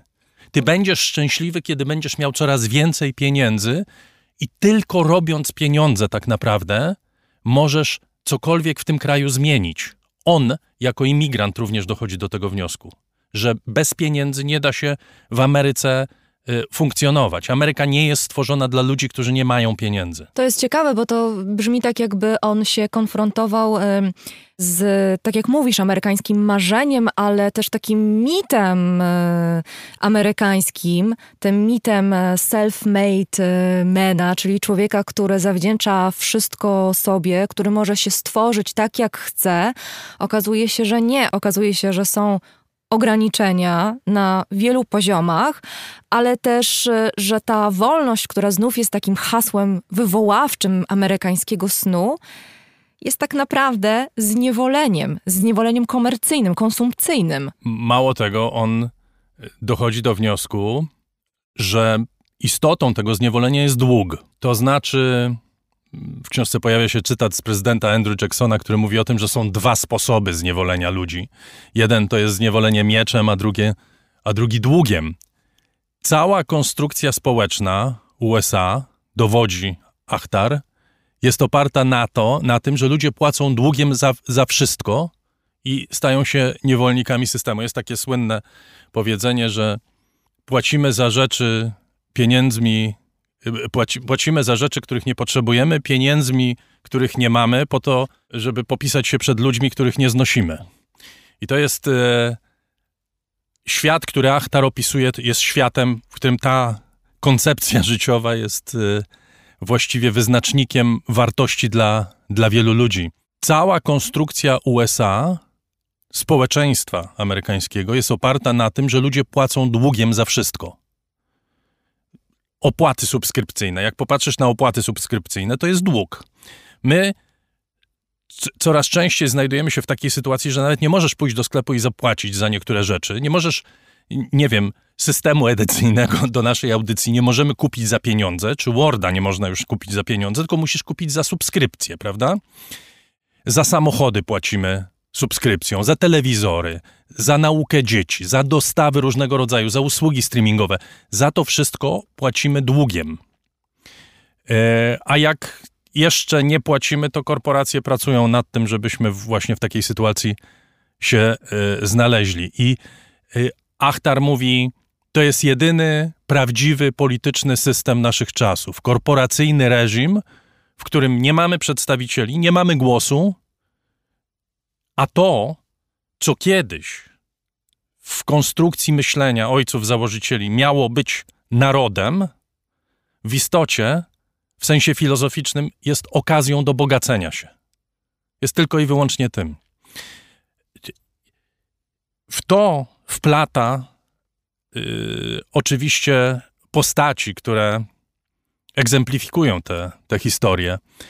Yy, jest znakomita, jedna z znakomitych postaci. To jest muzułmański miliarder Riaz Rind, który yy, jest fa fantastycznym biznesmenem, miliarderem, który yy, żyje z tego powodu, że wykupuje długi, opakowuje je i sprzedaje jako obligacje, ale robi to w sposób taki, który bardzo często ratuje całe wspólnoty przed y, nieuczciwymi na przykład właścicielami y, różnego rodzaju domów, osiedli i tak dalej. Tylko ten Rind jest również muzułmaninem. I jak ja mówiłem wcześniej o tym, że y, tylko przy pomocy pieniędzy możemy zmienić ten kraj. On postanawia przy pomocy pewnego triku, który jest na granicy prawa, użyć długu do wymierzenia sprawiedliwości za to, co uznaje za przestępstwa czy prześladowania religijne muzułmanów. Yy, I zaczyna manipulować cenami akcji, ponieważ nic innego nie trafia do ludzi, nic innego w tym kraju nie jest w stanie zmienić zachowania yy, niektórych ludzi, jak tylko to, że mają nad sobą Y, zagrożenie takie, że y, po prostu stracą pieniądze. Czy inna postać, Mike Jacobs, czarny Amerykanin, on, on nie chce, żeby o nim mówić Afroamerykanin, nigdy nie głosował na Obamę, jest republikaninem. Dlaczego? Dlatego, że uważa, że nie jest żadną ofiarą, nienawidzi swoich rodaków czy czarnoskórych Amerykanów za to, że chcą być ofiarami i uważa, że dopóki nie masz pieniędzy, nie masz szansy zmienić systemu. Jedyny sposób, żeby zmienić system, to jest sprzymierzenie się z republikanami i zmiana tego w jakiś sposób od środka. To jest świat, który opisuje, świat okrutny, który opisuje Ayad Achtar. I być może warto, żeby powiedzieć, żeby wrócić do tego, od czego no zacząłem. Właśnie, bo to tak, y, nie jest y, reportaż. To nie jest reportaż, to nie jest autobiografia. To jest. E, powieść? To jest powieść. Nie, mhm. On używa słowa. Właściwie nie wiem, czy, e, czy Ayadachtar używa takiego słowa. Gdzieś znalazłem do opisu tej książki e, określenie autofikcja. Mhm. Czyli to jest połączenie różnego rodzaju form fikcja autobiograficzna, czy fikcyjna autobiografia. Wprowadzane są prawdziwe postacie, Dość powiedzieć, że y, książka zaczyna się od opisu przyjaźni ojca głównego bohatera, lekarza, wybitnego kardiologa pochodzenia pakistańskiego, właśnie, który przyjechał z Pakistanu i z, z, został sprowadzony na początku 50. lat. Y, stał się jednym z najwybitniejszych specjalistów od, od leczenia bardzo specyficznej odmiany arytmii serca i staje się lekarzem Donalda Trumpa. Ów człowiek. Jaki ten świat jest mały. Dachtar był wielokrotnie pytany, czy rzeczywiście jego ojciec był lekarzem Donalda Trumpa. I na to pytanie nie chce odpowiedzieć. To jest bardzo ciekawe. Książka w ogóle jest y, na pewnym poziomie opowieścią o pewnym napięciu pomiędzy ojcem i synem, o miłości, nie, tak samo jak o miłości do ojczyzny Achtara, czyli Ameryki. Tak samo jest to książka o relacji bardzo trudnej, bardzo skomplikowanej i przepełnionej miłością i empatią jego do ojca. A widzisz, mówiłeś, że to jest książka o świecie okrutnym, bezwzględnym, rządzonym przez pieniądze i na tym poziomie opisu społecznego rzeczywiście tak jest, ale chyba ten wątek y, rodzinny wprowadza te emocje i to, jak mówisz, duże emocje. Bardzo się cieszę, dlatego że zaczęliśmy tę audycję od książki y, pod tytułem Shaggy Bane, która opisuje bardzo intensywną, trudną miłość y, syna i matki, a tutaj mamy relację syna i ojca, też trudną, też wystawioną na różne próby, jak rozumiem. Relacja y, narratora, znowu trzeba Mhm. odróżnić, to nie jest Aja Dachtar. Tak. On nie opisuje swojego życia, to nie jest autobiografia. Narratora tej książki z matką jest też niezwykle skomplikowana i niezwykle pięknie opisana. Jest bardzo silne napięcie w tym małżeństwie z różnych powodów. Z powodów obyczajowych, powiedzmy to oględnie, bo y, ojciec lubi czasem skakać na bok, y, ale również z tego powodu, że matka ma zupełnie inne podejście do Ameryki niż ojciec. Ojciec chce zaakceptować do tego stopnia, że oczywiście głosuje na Trumpa. Y, Matka jest osobą, która po 11 września w rozmowie z synem wyrzuca z siebie tak ogromny gniew na Amerykę, że Ayadachtar, prawdziwy Ayadachtar, używa tych słów w swojej sztuce, którą napisał w 2012 roku. Sztuka się nazywa Disgraced, czyli zhańbiony, i która zdobyła mu Pulitzera rok później. To była jedna z najpopularniejszych sztuk w ogóle ostatnich lat e, w Stanach Zjednoczonych.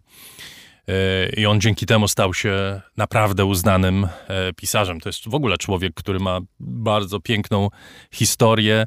Autodydaktyk, sam się e, uczył wielu rzeczy e, obsesyjnie. E, Opowiada o takiej historii, że jak biedował, mając dwadzieścia kilka lat, rodzice zaproponowali mu taki układ, że będą mu płacić 10 tysięcy dolarów rocznie, pod warunkiem, że będzie codziennie kupował Wall Street Journal i uczył się inwestować na giełdzie.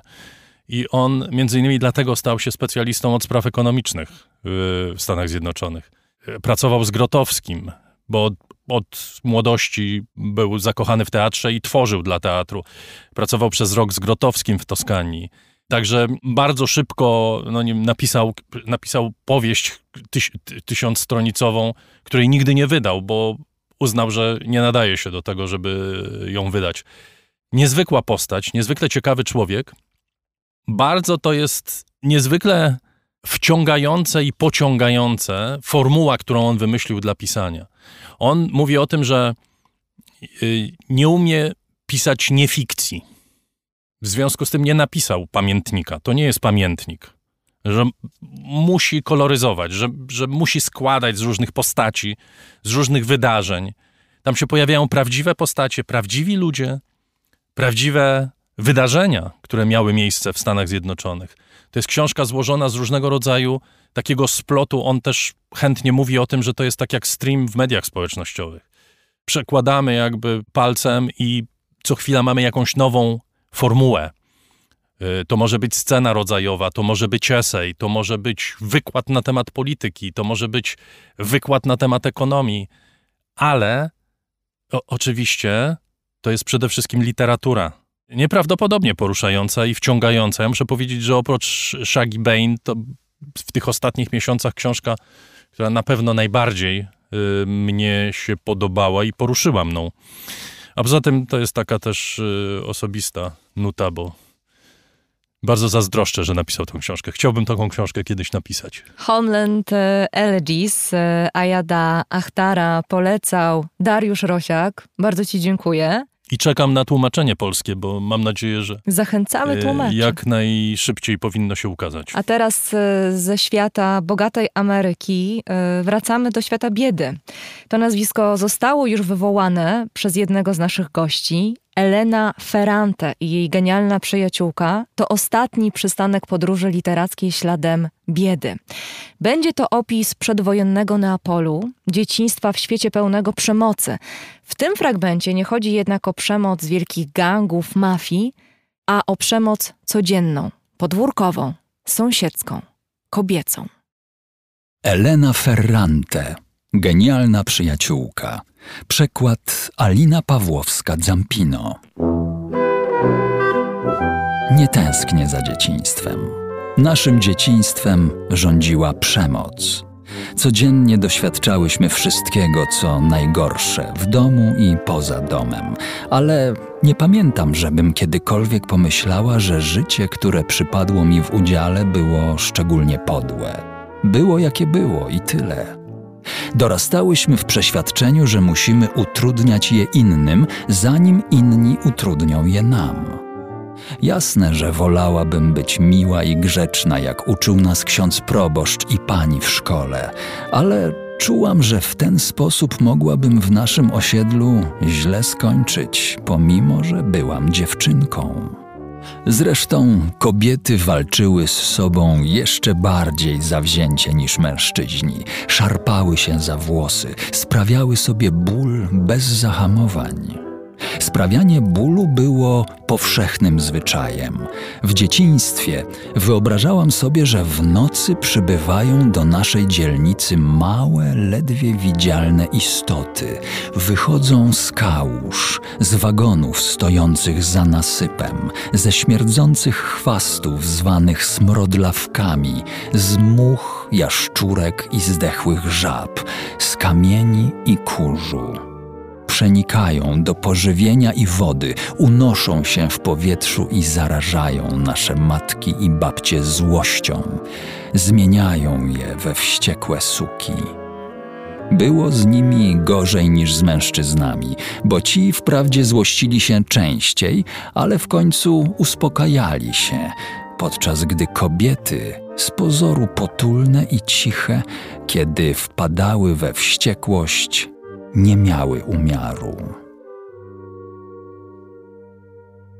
Na Lili wywarło ogromne wrażenie to, co spotkało Melinę Capuccio, krewną jej matki. Zresztą mnie też. Melina mieszkała w tym samym domu co moi rodzice.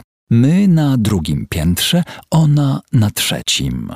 Miała sześcioro dzieci i niewiele więcej niż trzydzieści lat, a wyglądała jak staruszka. Jej mąż był w tym samym co ona wieku. Rozładowywał towar na targu warzywnym. Pamiętam, że był niski i tęgi, ale miał piękną, dumną twarz. Pewnego dnia wyszedł jak zwykle z domu przed świtem i niewiele później znaleziono go bez życia. Nie wiem, jak umarł. Może z przemęczenia, a może ktoś go zabił. Na jego pogrzeb, bardzo uroczysty, przyszli wszyscy z bliższego i dalszego sąsiedztwa, także rodzice Lili i moi. Minęło trochę czasu i w Melinie nastąpiły wielkie zmiany. Zewnętrznie pozostała tą samą przeraźliwie chudą kobieciną z wydatnym nosem i przedwcześnie posiwiałą, która przenikliwym głosem zwoływała wieczorem przez okno swoje dzieci jedno po drugim, przeciągając sylaby ich imion jakby w pełnej złości desperacji. Ada, Mike. W pierwszym okresie po śmierci męża bardzo pomógł jej Donato Sarratore, który z rodziną zajmował mieszkanie nad nią na czwartym, ostatnim piętrze. Donato uważał się za dobrego chrześcijanina, uznał więc, że nie może zostawić wdowy samej w potrzebie. Zbierał dla niej pieniądze, używane ubrania i buty. Dzięki jego rekomendacji najstarszy syn Meliny, Antonio, dostał pracę w warsztacie Gorezja, dobrego znajomego Donata. Wdzięczność Meliny zmieniła się w krótkim czasie w głęboką namiętną miłość do dobroczyńcy. Nie wiadomo, czy Donato Sarratore zdawał sobie z tego sprawę. Był bardzo serdecznym i porządnym człowiekiem. Żył między domem, miejscem pracy i kościołem. Pracował jako kolejarz. Miał stałe zarobki, z których w miarę dostatnio utrzymywał żonę Lidię i pięcioro dzieci, w tym najstarszego syna o imieniu Nino. W przerwach między podróżami na trasie Neapol-Paola i z powrotem wykonywał drobne naprawy w domu, robił zakupy i woził wózkiem na spacery najmłodsze dziecko. Wszystko to na naszym osiedlu, a nawet w całej naszej dzielnicy było absolutnie niezwykłe. Nikomu nie przyszło do głowy, że Donato robi to, by pomóc żonie, odciążyć ją w pracach domowych. Nie. Mężczyźni z sąsiedztwa z moim ojcem na czele uznali, że jest z nim coś nie w porządku. Jest po prostu zniewieściały. Tym bardziej, że pisywał wiersze i chętnie je czytał wszystkim, którzy chcieli słuchać. Melina też mylnie interpretowała jego zachowania. Wolała myśleć, że ma zbyt miękki charakter, co wykorzystuje jego żona i trzyma go pod pantoflem.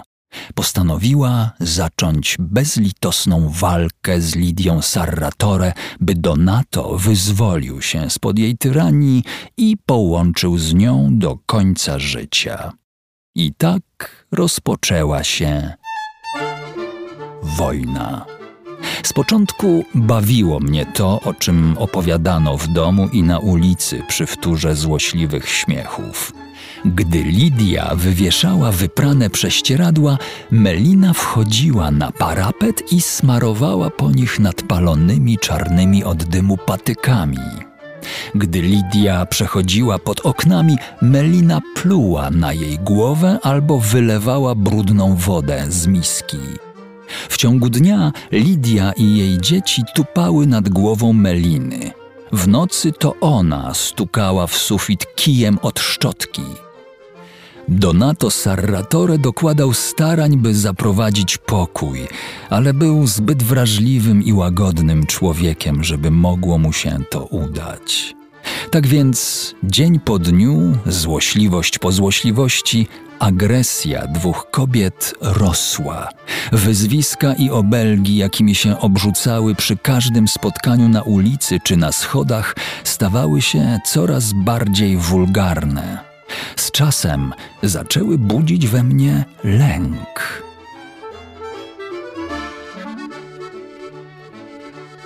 Jedna z wielu strasznych scen mego dzieciństwa zaczęła się właśnie od wrzasków Meliny i Lidii, od epitetów, jakimi obrzucały się z okien, a potem na klatce schodowej. Mama podbiegła do drzwi, otworzyła je i wyjrzała przez nie, a my, dzieci, dołączyliśmy do niej dokładnie w chwili, gdy nasze dwie sąsiadki, szczepione z sobą, stoczyły się po schodach, aż w końcu głowa Meliny uderzyła o podłogę tuż przy moich butach i wyglądała jak biały melon, który wypadł komuś z rąk.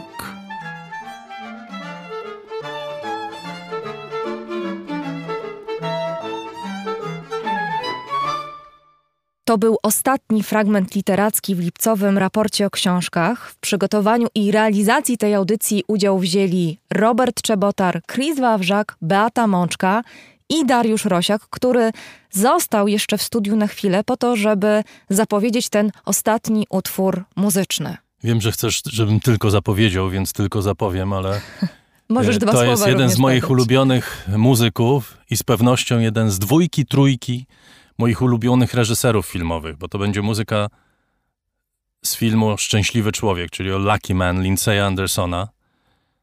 Kiedyś e, tak sobie myślałem, że jest dwóch reżyserów, którzy e, robią filmy absolutnie idealne, perfekcyjne. Jeden to jest Roman Polański, a drugi to był Lindsay Anderson. E, Zupełnie inni reżyserzy i zupełnie inna stylistyka filmowa. Lindsay Anderson bardzo mocno zaangażowany społecznie. Te jego filmy to była część takiego ruchu Angry Young Man, która gdzieś tam wyrastała z dramatu e, brytyjskiego lat, przełomu lat 50., 60., a potem weszła w film i e, Anderson kontynuował właściwie te wątki do lat 70., do lat 80., kiedy powstawały takie filmy jak Jeżeli, którym wygrał Cannes chyba w 68 roku, właśnie Lucky Man czy Szpital Brytania. Są genialne filmy, do których bardzo warto wracać, a do muzyki Alana Price'a zawsze warto wracać, bo to jest wspaniały kompozytor i znakomity muzyk, nie tylko w zespole Animals, ale również w swoim własnym prawie, jak mówią Anglicy, czyli e, samodzielny muzyk, indywidualnie tworzący e, od lat. A ta piosenka będzie o biednych ludziach, poor people. Agata Kaspralewicz, do usłyszenia. Poor people are poor people and they don't understand. A man's got to make whatever he wants and take it with his own hands. Poor people stay poor people and they never get to see. Someone's got to win in the human race. If it isn't you, then it has to be me. So smile while you're making it. Laugh while you're taking it. Even though you're faking it, nobody's gonna know. Nobody's gonna know. No use mumbling, it's no use grumbling. Life just isn't fair. There's no easy days, there's no easy ways. Just get out there and do it. And sing and they'll sing your song. Laugh while you're getting on. Smile and they'll string along.